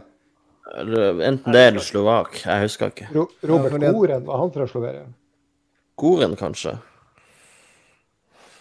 Ja. Men mm. um, Men uh, når ja. vi skal diskutere det her i, i morgen, uh, Stian, så er, det, så er det med indreløper og, og venstreback i, i minne kanskje vi skal sitte og diskutere mest eh, at Glimt kan finne på, på å hente dette vinduet. Ja. Indreløper har jeg jo en drømmesignering. Eh, yeah. men, jeg, men eh, jeg tror jo ikke det er realistisk i det hele tatt. Men det er Johan Hove. Åh, oh. ja. Oh. Men hvor, hvor, hvor, hvor, altså, hvor, realistisk er det i det hele tatt? Er ikke det rett i utlandet og Groningen og samme leksa? Jo, det er jo fort det. Eh, og... Men det sa vi om eh, Hugo Vetlesen òg. Ja. ja, det er sant. Mm. Har du gjort deg noen tanker om venstreback da, som skal inn? Nei, altså, jeg, altså jeg, jeg, skal, jeg, skal, ikke påberope meg at jeg kan nok om skandinavisk marked til, som, til å si at han venstrebacken til Elfsborg eller han, han der er, spiller en Glimt burde hente. Eh, og i Norge så er det ikke veldig mange. så Jeg tror det er ut, utopi å tro at man får hente Adrian Pereira nå, f.eks. Eh, det, det, er ikke så mange Jeg tror Vetle Dragsnes i Lillestrøm syns jeg er bra. Men jeg tror man får ikke henta noen fra Lillestrøm heller. Eh, sånn som verden er nå. Så, så, jeg tror jeg, jeg, har ikke noe godt navn der uh, på det. Det eneste jeg jeg vet, jeg vet, at, det kommer, at det kommer til å bli et veldig spennende, et, et sjelden spennende overgangsvindu for Bodø-Glimt i år. Det tror jeg er det vel det er to streker under svaret på. Ja, og det, og det, er jo akkurat det som er at, at um men hører du noe internt i Glimt? Eh, eh, kommer de til, til deg og sier 'slapp av, vi kommer til å finne venstreback'? Eller er det, føler du at det er nå metta eller mæta røyk? Jeg vet ikke om du har snakka med noen i Glimt etter det? Nei, det har jeg ikke. Jeg har ikke fått snakka med noen, noen, etter det. Så. Jeg hadde tenkt å bruke, gå ned når de kom her i kveld og, og snakke med noen da, men nå har vi sittet her i, ja, i snart tre timer og, og pratet. ja, det her det, det ble mye, leng, mye, lenger enn jeg trengte. Men vi har jo vi har også tenkt litt på det her spillere ut. og Vi har vært litt innom Boniface og Ola Solbakken, og du nevnte Skau. Kanskje han skal ut på et nytt utlån. Jeg vet ikke hva, hva du tenker av spillere ut, Stian? Nei, Hvis dere skulle ha en liste på tre, så tror jeg Viktor Boniface ryker. Eh, så tror jeg Lasse Nordås lånes ut. Eh, og Da er det jo lett å spå Kristiansund som trenger spiss, det er lett å spå Odd som trenger spiss, og det er lett å spå Tromsø som trenger spiss. Eh, og så ser jeg ikke bort fra at Ask Kjerransen skal lånes ut. Men det er under forutsetning at Glimt får tak i en venstreback som de mener kan spille. For det virker som Ask PT er backupen på venstreback. Ja. Sammen med kanskje Marius Høybråten. Absolutt. Ja, og der var det jo en litt sånn spennende tanke. Hvem var det som kom med den? Uh, det var det Ja, Trond Olsen. At han hadde lyst til å ha Anders Konradsen inn på midten. Uh, og Saltnes ned som stopper. Og da skulle du ha han eh, godeste eh, Høybråten på venstrebekken. Og det var jo mot eh, Var det mot Klaksvik eller Linfield han mente at det Linfield var det. Linfield. Eller Jerv, kanskje. Det var Jerv. Ja, nei, det var, jeg tror det var i forkant av Linfield borte. Ja. ja. Uh, det, det, jeg ville hatt uh, hvis, hvis, du, hvis, La oss si at Bris blir skadd nå. Ja. Så ville jeg hatt og, og La oss si Bris skadd og Brede er frisk igjen så ville jeg satt opp Forsvaret med Alfons Samsted, Brede Mo, Isak Helstad Amundsen, Marius Høybråten. Ja. ja. Det, er min, det er mitt eh, forsvar. Jeg vil, jeg, vil, eh, jeg vil, gjerne at Anders Konradsen skal spille litt mer for, i stedet for Ulrik Saltnes. Rett og slett for å få spart denne hofta til Ulrik litt. Eh, men jeg mener at Ulrik er best som indreløper, og du ser litt sånn måten han, han er nær med å skåre 1-0 mot Linfield nå på et strålende løp inn i boks og han skårer 4-0 på et strålende løp inn i boks. Ja, og, og han har jo hatt alle de løpene. Han har jo løpt inn i boks. Det kan Anders òg ha. Ja. Men det skal sies at uh, Ikke det at jeg tror Anders er bedre på det, men uh, Saltnes han er, han er, ikke like god uh, nå som han var tidligere mot de lagene som ligger kompakt, kompakt. og Det tror jeg har litt med relasjonene å gjøre. Og, og det er pasningsspillet som ikke går så hurtig som det gjorde. Der, der tror jeg han mm. lider litt under, både i form av bevegelse og ikke ha noen å slå de kjappe entouch-pasningene han er veldig god på å slå. Ja. ja hva, hva, du, hva, du, tenker om Saltnes sin formdupp? For det, er jo klart at, at, eh, at det her er jo jeg skal si, Etter skaden så har han jo hatt ikke veldig mange gode kamper. Nei, men jeg, jeg føler også at det har vært litt uh, Jeg føler også at det har vært et steg opp de siste par kampene. Så så jeg er ikke Jeg tror, jeg tror Saltnes kommer. Eh, ja. Det må jeg bare innrømme. Ja, men det er jo, det er jo da Nå sitter jeg og viser en, en veldig kort mellomrom mellom fingrene, men det er ikke mye som skal til for at han skårer tre mål i hver kamp. Altså, det er en liten feiltouch, det er lite, altså, en liten feilvurdering og osv. Men han har de løpene, og han, han får sjansene hver eneste kamp. Og det er bare mm. den siste biten som skal på plass. Ja, jeg er helt enig. Det, det, ja. Jeg tror det kan eh, Det kan bli bra, det der. Og før du åpner minibaren på hotellet, så skal jeg spørre deg én ting til. Uh, hvordan er det med han godeste uh, uh, mannsverk? Er han like aktiv i Glimt nå som han var i foregående sesonger? Klart Bjørn Mann, det, det, vet jeg ikke hvor mye han var. I og med at vi ikke var i, administrasjonsområdet så, og sportsbarn i et par år nå, så vet jeg ikke hvor mye han har vært der. Men eh, at Bjørn Mannsverk nå er jo veldig ettertrakta, selvfølgelig. Har jo også begynt å jobbe med Kolstad håndball. Eh, men han var i hvert fall i Bodø på onsdag. Eh, mm. For da når jeg var og skulle møte Salvesen, så kom Bjørn Mannsverk og sier åh, nå vet jeg at det går bra i dag, for nå er den viktigste brikken på plass. Sa jeg til han. Ja. Da flirer han godt. så men ja. eh, Så da er det jo egentlig den arbeidsmengden til Bjørn Mansberg som har blitt større. Før så hadde han eh, Ja, han hadde sin jobb på flyplassen, og så, og så var det Glimt. Og nå er det Kolstad håndball og et par andre oppdrag kanskje i løpet av uka. Ja. Det, jeg, jeg, skjønte at han skulle være i Kolstad ei uke hver tredje uke, eller noe sånt. OK. Ja. Nei, så, jeg skal bare spørre, ja. jeg skal bare spørre har, har, alle gjort klar ei, ei, liste til den konkurransen? Eller var det kun Stian som hadde gjort det, eller har dere andre rukket å gjøre det òg? Nei, jeg tenkte vi, vi, vi, kan ta det i morgen etter kampen, siden uh, den poden her blir så sinnssykt lang. Men da, da, da sier jeg på hit, så jeg har Johan Hove som ja. en wildcard. Yes. Oi. Og hva, hvem du mer, mer ha på innlista? Nei, det, Jeg har jo selvfølgelig da sittet med Lukas Kubur da, og, men jeg, da, jeg, må jo stryke han som jeg sier Nino Sugelj. Ja. Mm. Åh, hva vi skal ta som venstreback, da? Du har jo han Wolfe i Brann, hvis han kan friste. Ja, men det er ti ja, millioner. Ja. Ja, og, og jeg tror ikke Brann vil selge, men ja, sett opp da, Møller Wolfe. Og så trenger jeg en eh, hvem, hvem, du tror så et, eh, Om vi har et talent som kan få gjennombrudd eh, i, i, august, eller så jeg begynner å spille, spille litt mer i august. da. Eh, du har nevnt at Sjøvold Det må bli Fredrik Sjøvold.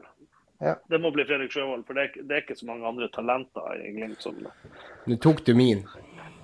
Ja, men Da er det bra at Stian, eh, Stian Høgland og denne podkasten eneste ekspert kommer med fasit i dag. Så diskuterer vi eh, resten i morgen etter kamp, tenker jeg ser sjøl på hva klokka er blitt. Hun er snart ti over elleve. Jeg har sittet i, i, tre timer med, med warm-up og podkast. Eh.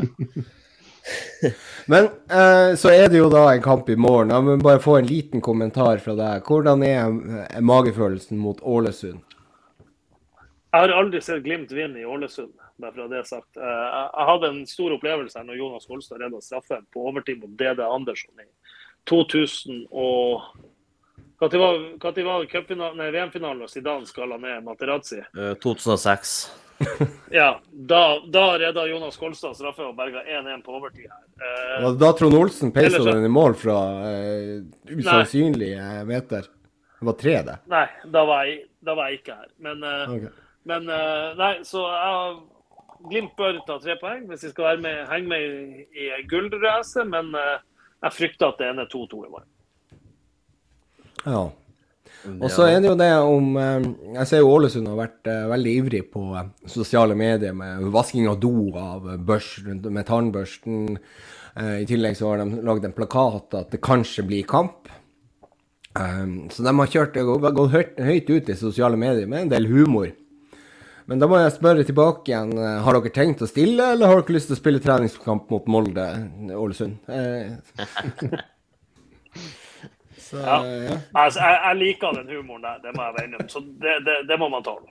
Ja, det er tåler det. Ja, ja. Men det slår litt tilbake, syns jeg. yes. det, men... jeg, jeg, tenkte på det. Jeg tenkte på det. Altså, hadde Glimt blitt slått ut nå i Europa, så hadde jo kampen kunne ha blitt flytta til søndag. Ja. Eller hvis Glimt hadde slått ut i første runde mot Klaksvik, så har ikke den kampen gått på lørdag. Så det, det hadde det faktisk blitt Fett. Ja, da hadde det blitt noe walkover igjen, da. Ja, kanskje det. Nei, 3-0. Ja, men Stian, det har vært veldig Takk for noen gode historier, da. Uh, og uh, jeg tror vi må ha deg med flere ganger, uh, hvis du har tid. Hvis, du, hvis det frister. Ja, Alltid trivelig å prate fotball med folk. Så ja. Ja. Jeg vet ikke, Hadde du dårlig tid nå, Stian, så kan du få lov å si ha det. Og så har jeg en annen ting som jeg tenkte jeg skulle ta opp, hvis, hvis, det, hvis det, du godkjenner det, Øystein. Ja, ja, vi får ta det. Hvis du har lyst til å bli, bli så, Stian, så bare gjerne bli. Jeg kan bli så lenge batteriet på AirPodsen holder. Fantastisk. ja, ja, suverent.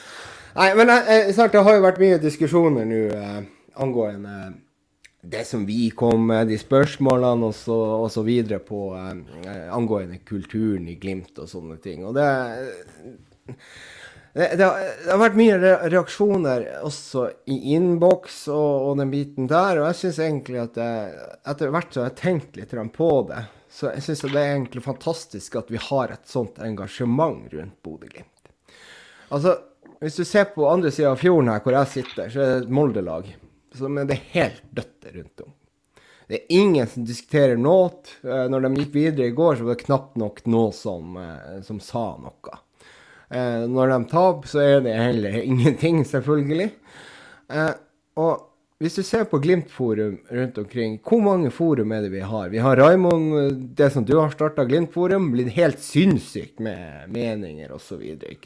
Samtidig så har Glimt en egen gruppe, og så har du det her Glimt i hjertet. Det er bare på Facebook. Og så ser du på, på Twitter hvor mange Glimt-kontoer finnes det? ikke sant? Og det, er, det fyres i alle retninger, men det er engasjement.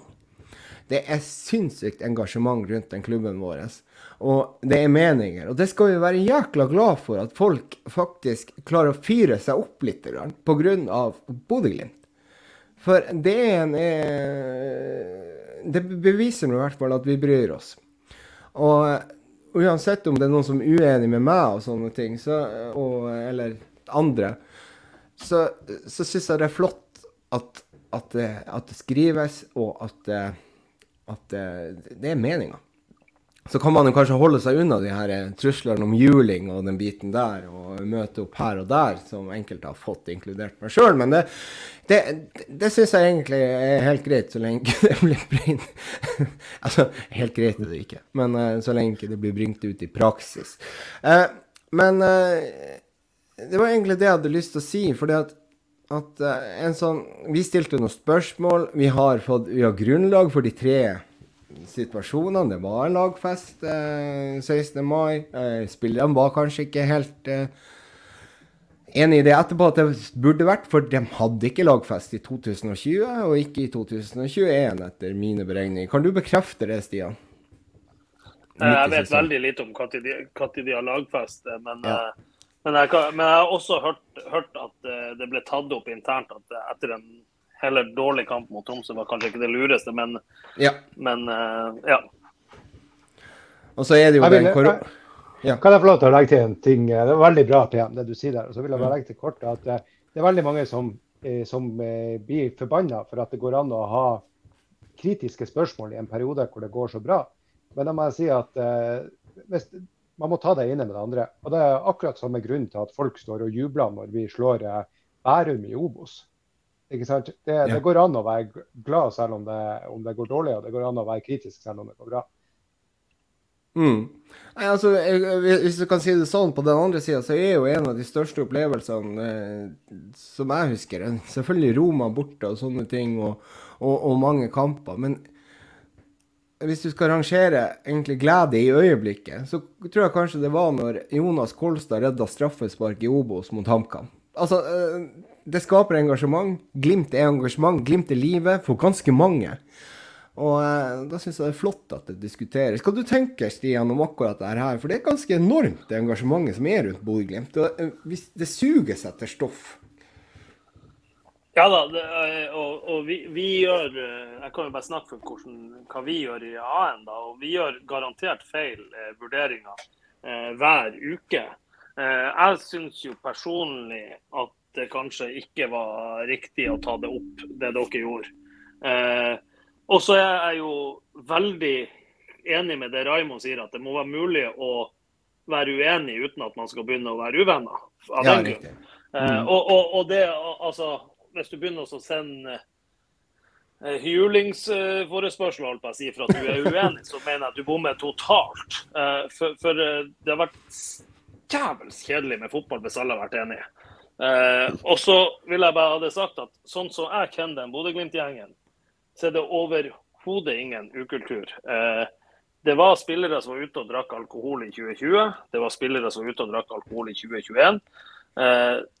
Det kommer helt sikkert til å være spillere som er ute og drikker alkohol i 2022 flere ganger.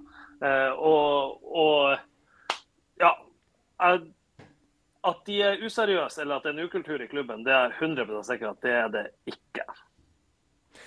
Nei, og det, det har vi jo, var jo litt inne på det som vi eh, snakka om litt i starten av den poden her, som begynner å bli et døgn siden. Men eh, det, det, var jo, det har jo litt sammenheng med eh, spillere ut. ikke sant? Du har ikke den samme treningskulturen, du har ikke det samme trøkket på trening. Sondre Feta har vært borte. ikke sant? Du har, eh, du har Moberg, ikke minst, som, som eh, var en trendsetter på trening, der hvor det, der hvor det gikk fortere. Og, eh, og, i tillegg så har du hatt skader. Du har Ulrik Saltnes ute med sykdom. Runar Espelid har ikke kunnet trent i, i, i store deler av, av, eh, sesongen. Mange sånne ting som gjør at den treningshverdagen ikke blir like tøff som eh, eh som det har vært tidligere. Og det som har vært ikke sant, dem som har vært og sett på Glimt, eh, f.eks. besøk fra Hvem er det som har vært på besøk, Stian? Av klubber? Det, hvem er det som ikke har vært på besøk? Ja, ikke sant? Altså, Glimt er jo begynt å måtte si nei til det, for de kan ha besøk av klubber hver eneste helg. Ja, ikke sant. Men hva er, hva er liksom tilbakemeldingene fra de klubbene som har vært på, eh, på, besøk? Hva er suksessformelen her? Jeg har vel en klar indikasjon, men jeg skal prøve. Ja, det, det, det, er jo, det, er jo, intensitet og treningskvalitet og Ja, det er veldig mange som lar seg overraske f.eks. at det aldri er noe hvile i treninga til Glimt.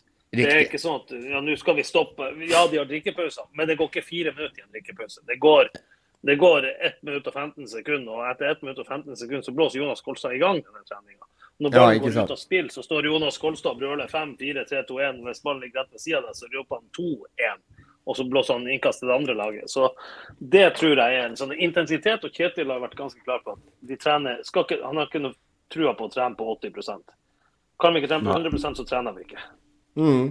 Og det er jo også mm. det samme tilbakemeldinga. Jeg er jo nabo med Fredrik Karlsen, som spilte for Ålesund og snakker mye med Sondre. Og det er akkurat de samme tilbakemeldingene han har gitt, eller Sondre har gitt tilbake igjen til Fredrik. Eh, mm. Så, eh, så, så det, det, er vel der det også ligger litt. Og, eh, men jeg syns det er sunt at vi kan ha en diskusjon om Glimt. Og jeg syns det er sunt at vi kan støvsuge litt i hjørnene. Og så er det jo da litt viktig, når du skal ha en mening om en ting så ta for pokker og hør podden før du skal begynne å skjelle noen ut. Det, er, det syns jeg bør være et minimum hvis du skal mene noe om noe. noe. Men jeg elsker engasjementet, og det har alltid vært rundt Glimt. Og steike hvor mange supportere vi har rundt omkring i det ganske land. Det er ganske unikt. Hvis du ser på Glimt i sør, eh, når vi var eh, på HamKam Vi fylte det bortefeltet til randen. Det var ikke sitteplasser nok til de, eller stoler nok. Det var ingen som kunne sitte der, for alle måtte jo stå. Så HamKam fikk jo svare strev med å prøve å flytte det der gjerdet osv. Men uh, jeg tror ikke de gjorde det. Men det var trangt som pokker på det bortefeltet. Mm. Og det er det har jo vært i mange år, Øystein. Du, du, har jo også vært mye rundt omkring og, og, og reist med Glis. Og det engasjementet rundt Glimt, det er ganske enormt. Ja, det er det. det er, og det er egentlig utrolig. Og, og jeg syns jeg så noe statistikk på det, at, at, Glimt også var det laget, om det var i 2019 var vel det, det laget med fjerde mest bortesupportere i løpet av en hel sesong. Og så da tenker på hva man er av mennesker fra Bodø, så, eh, så, er det ganske enormt. Eh, eller generelt bare hele landsdelen Nord-Norge, hvis man tenker på generasjonen over oss, 75, eh, hvor Eller to generasjoner over meg, da. Hva det har betydd for hele landsdelen, og, og hvordan liksom en, en, såpass liten landsdel hvordan det Glimt fortsatt engasjerer så, så, bredt og drar så mye folk med seg, uansett hvor de er og spiller, det, det er enormt. Og, og, det som du sier, det, det altså Rosenborg, Rosenborg det, fansen deres på Twitter de, de, skriver jo om oss hver eneste dag. Og det er jo fordi at man, man er blitt aktuell, man er blitt stor, og, og, og, man engasjerer ikke lenger bare i, i egen menighet, skal jeg til å si. Og det, det, er enormt artig å få lov til å oppleve det. Det er jo det største komplimentet man kan få. Uten tvil. Så det må vi tenke ja, litt der, på. Og Der har jeg òg lyst til å skryte litt. For uh, vi har, jeg har jo holdt på med dette nå i over i snart 24 eh, år. Og det Glimt-supporterne holder på med nå, det er altså Altså, jeg sett nesten med, med tårer i øynene. Jeg blir rørt når eh, barndomsminner fra Nordland spilles før kamp, og ser alle med skjerf og sånn, og hører på J-feltet. og og ja, også når jeg er på reise med Den gule horde, så eh, Nei, unnskyld, med Glimt i sør. Sorry. Eh, sånn som på Hamar. Men eh, også f.eks.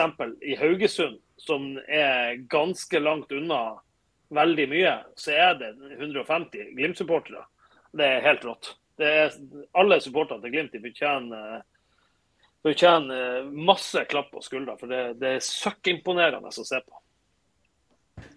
Helt enig. Helt enig. Og det Altså, nå snakkes det jo også om at J-feltet er blitt for lite eh, i Bodø. Og da var det snakk om å, å, å flytte seg over på Y, nei, på I. Og det sier jo litt om den engasjerte supporteren også. Eh, selv om jeg må si, mange... jeg, jeg, jeg, leste, jeg leste nå på nettet nå mens vi prater her, at det var ja. én billett igjen på J-feltet til kampen mot uh, Sjalgiris. Ja. Én billett. Har du kjøpt den nå, Øystein? Nei, men jeg så, så, Inge kommenterte under der at uh, den, det er ikke, ikke nå lenger, sa han. Så. men, men, jeg så jo også på Twitter, det var, det var ei dame på, på 50 pluss som eh, nå hjemme mot Linfield hadde sin første kamp på J-feltet. Og hun sa det, det var ikke den siste kampen på J-feltet. Og så var det også ei som sa at uh, hun og mannen også hadde sin første kamp på J-feltet hjemme mot uh, Linfield. Og de sa at de følte mye på den samme stemninga som var uh, i Glasgow borte mot Celtic. Så de hadde fornt hjem og kjøpt to sesongkort på J-feltet for å stå på J-feltet resten av sesongen. Uh, så, så, det sier jo litt også om at man, man klarer å rekruttere også blant etablerte Glimt-supportere som kanskje har vært på reise i Europa, blitt litt smitta av det engasjementet og trøkket som er på, på J-feltet. Og det er sånn også hver gang jeg er i Bodø. Jeg har jo, sesongkort på E-feltet, og, og, pappa går på de kampene jeg ikke er på. Um, for meg er det kjedelig å sitte en annen plass på stadion enn å stå på E-feltet. Det, det, det, blir ikke det samme.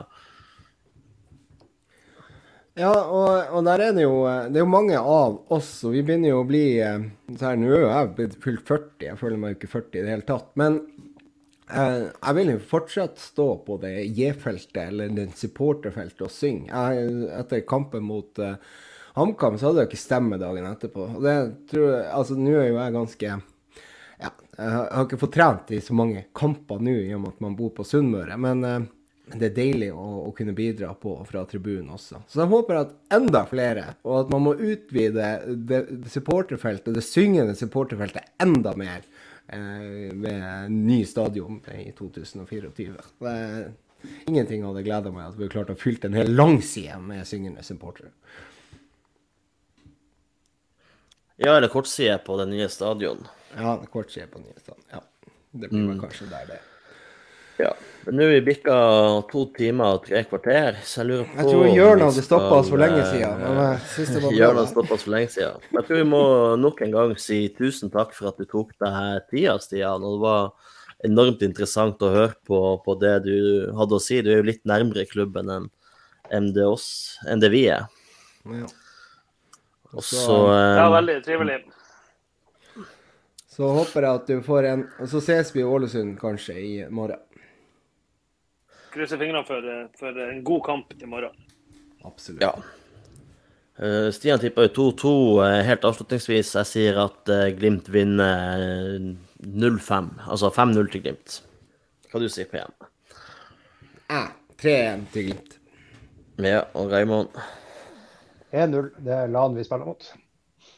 Ja, det er LAN, for så vidt. Men uh, Lan uh, var han trener i Bergen i 2020 i Brann, da vi knuste de på Aspmyra. Men uh, nok om det. Vi er nødt til å takke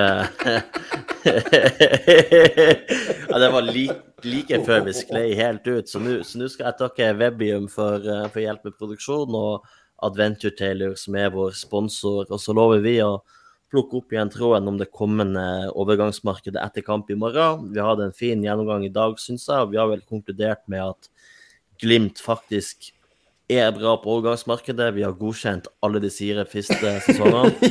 Selv om, selv om vi jo har bomma på en god del spillere, og det er veldig mange spillere som er signert. Og med det så sier jeg egentlig eh, god natt, og takk for at dere hørte på oss. Heia Glimt.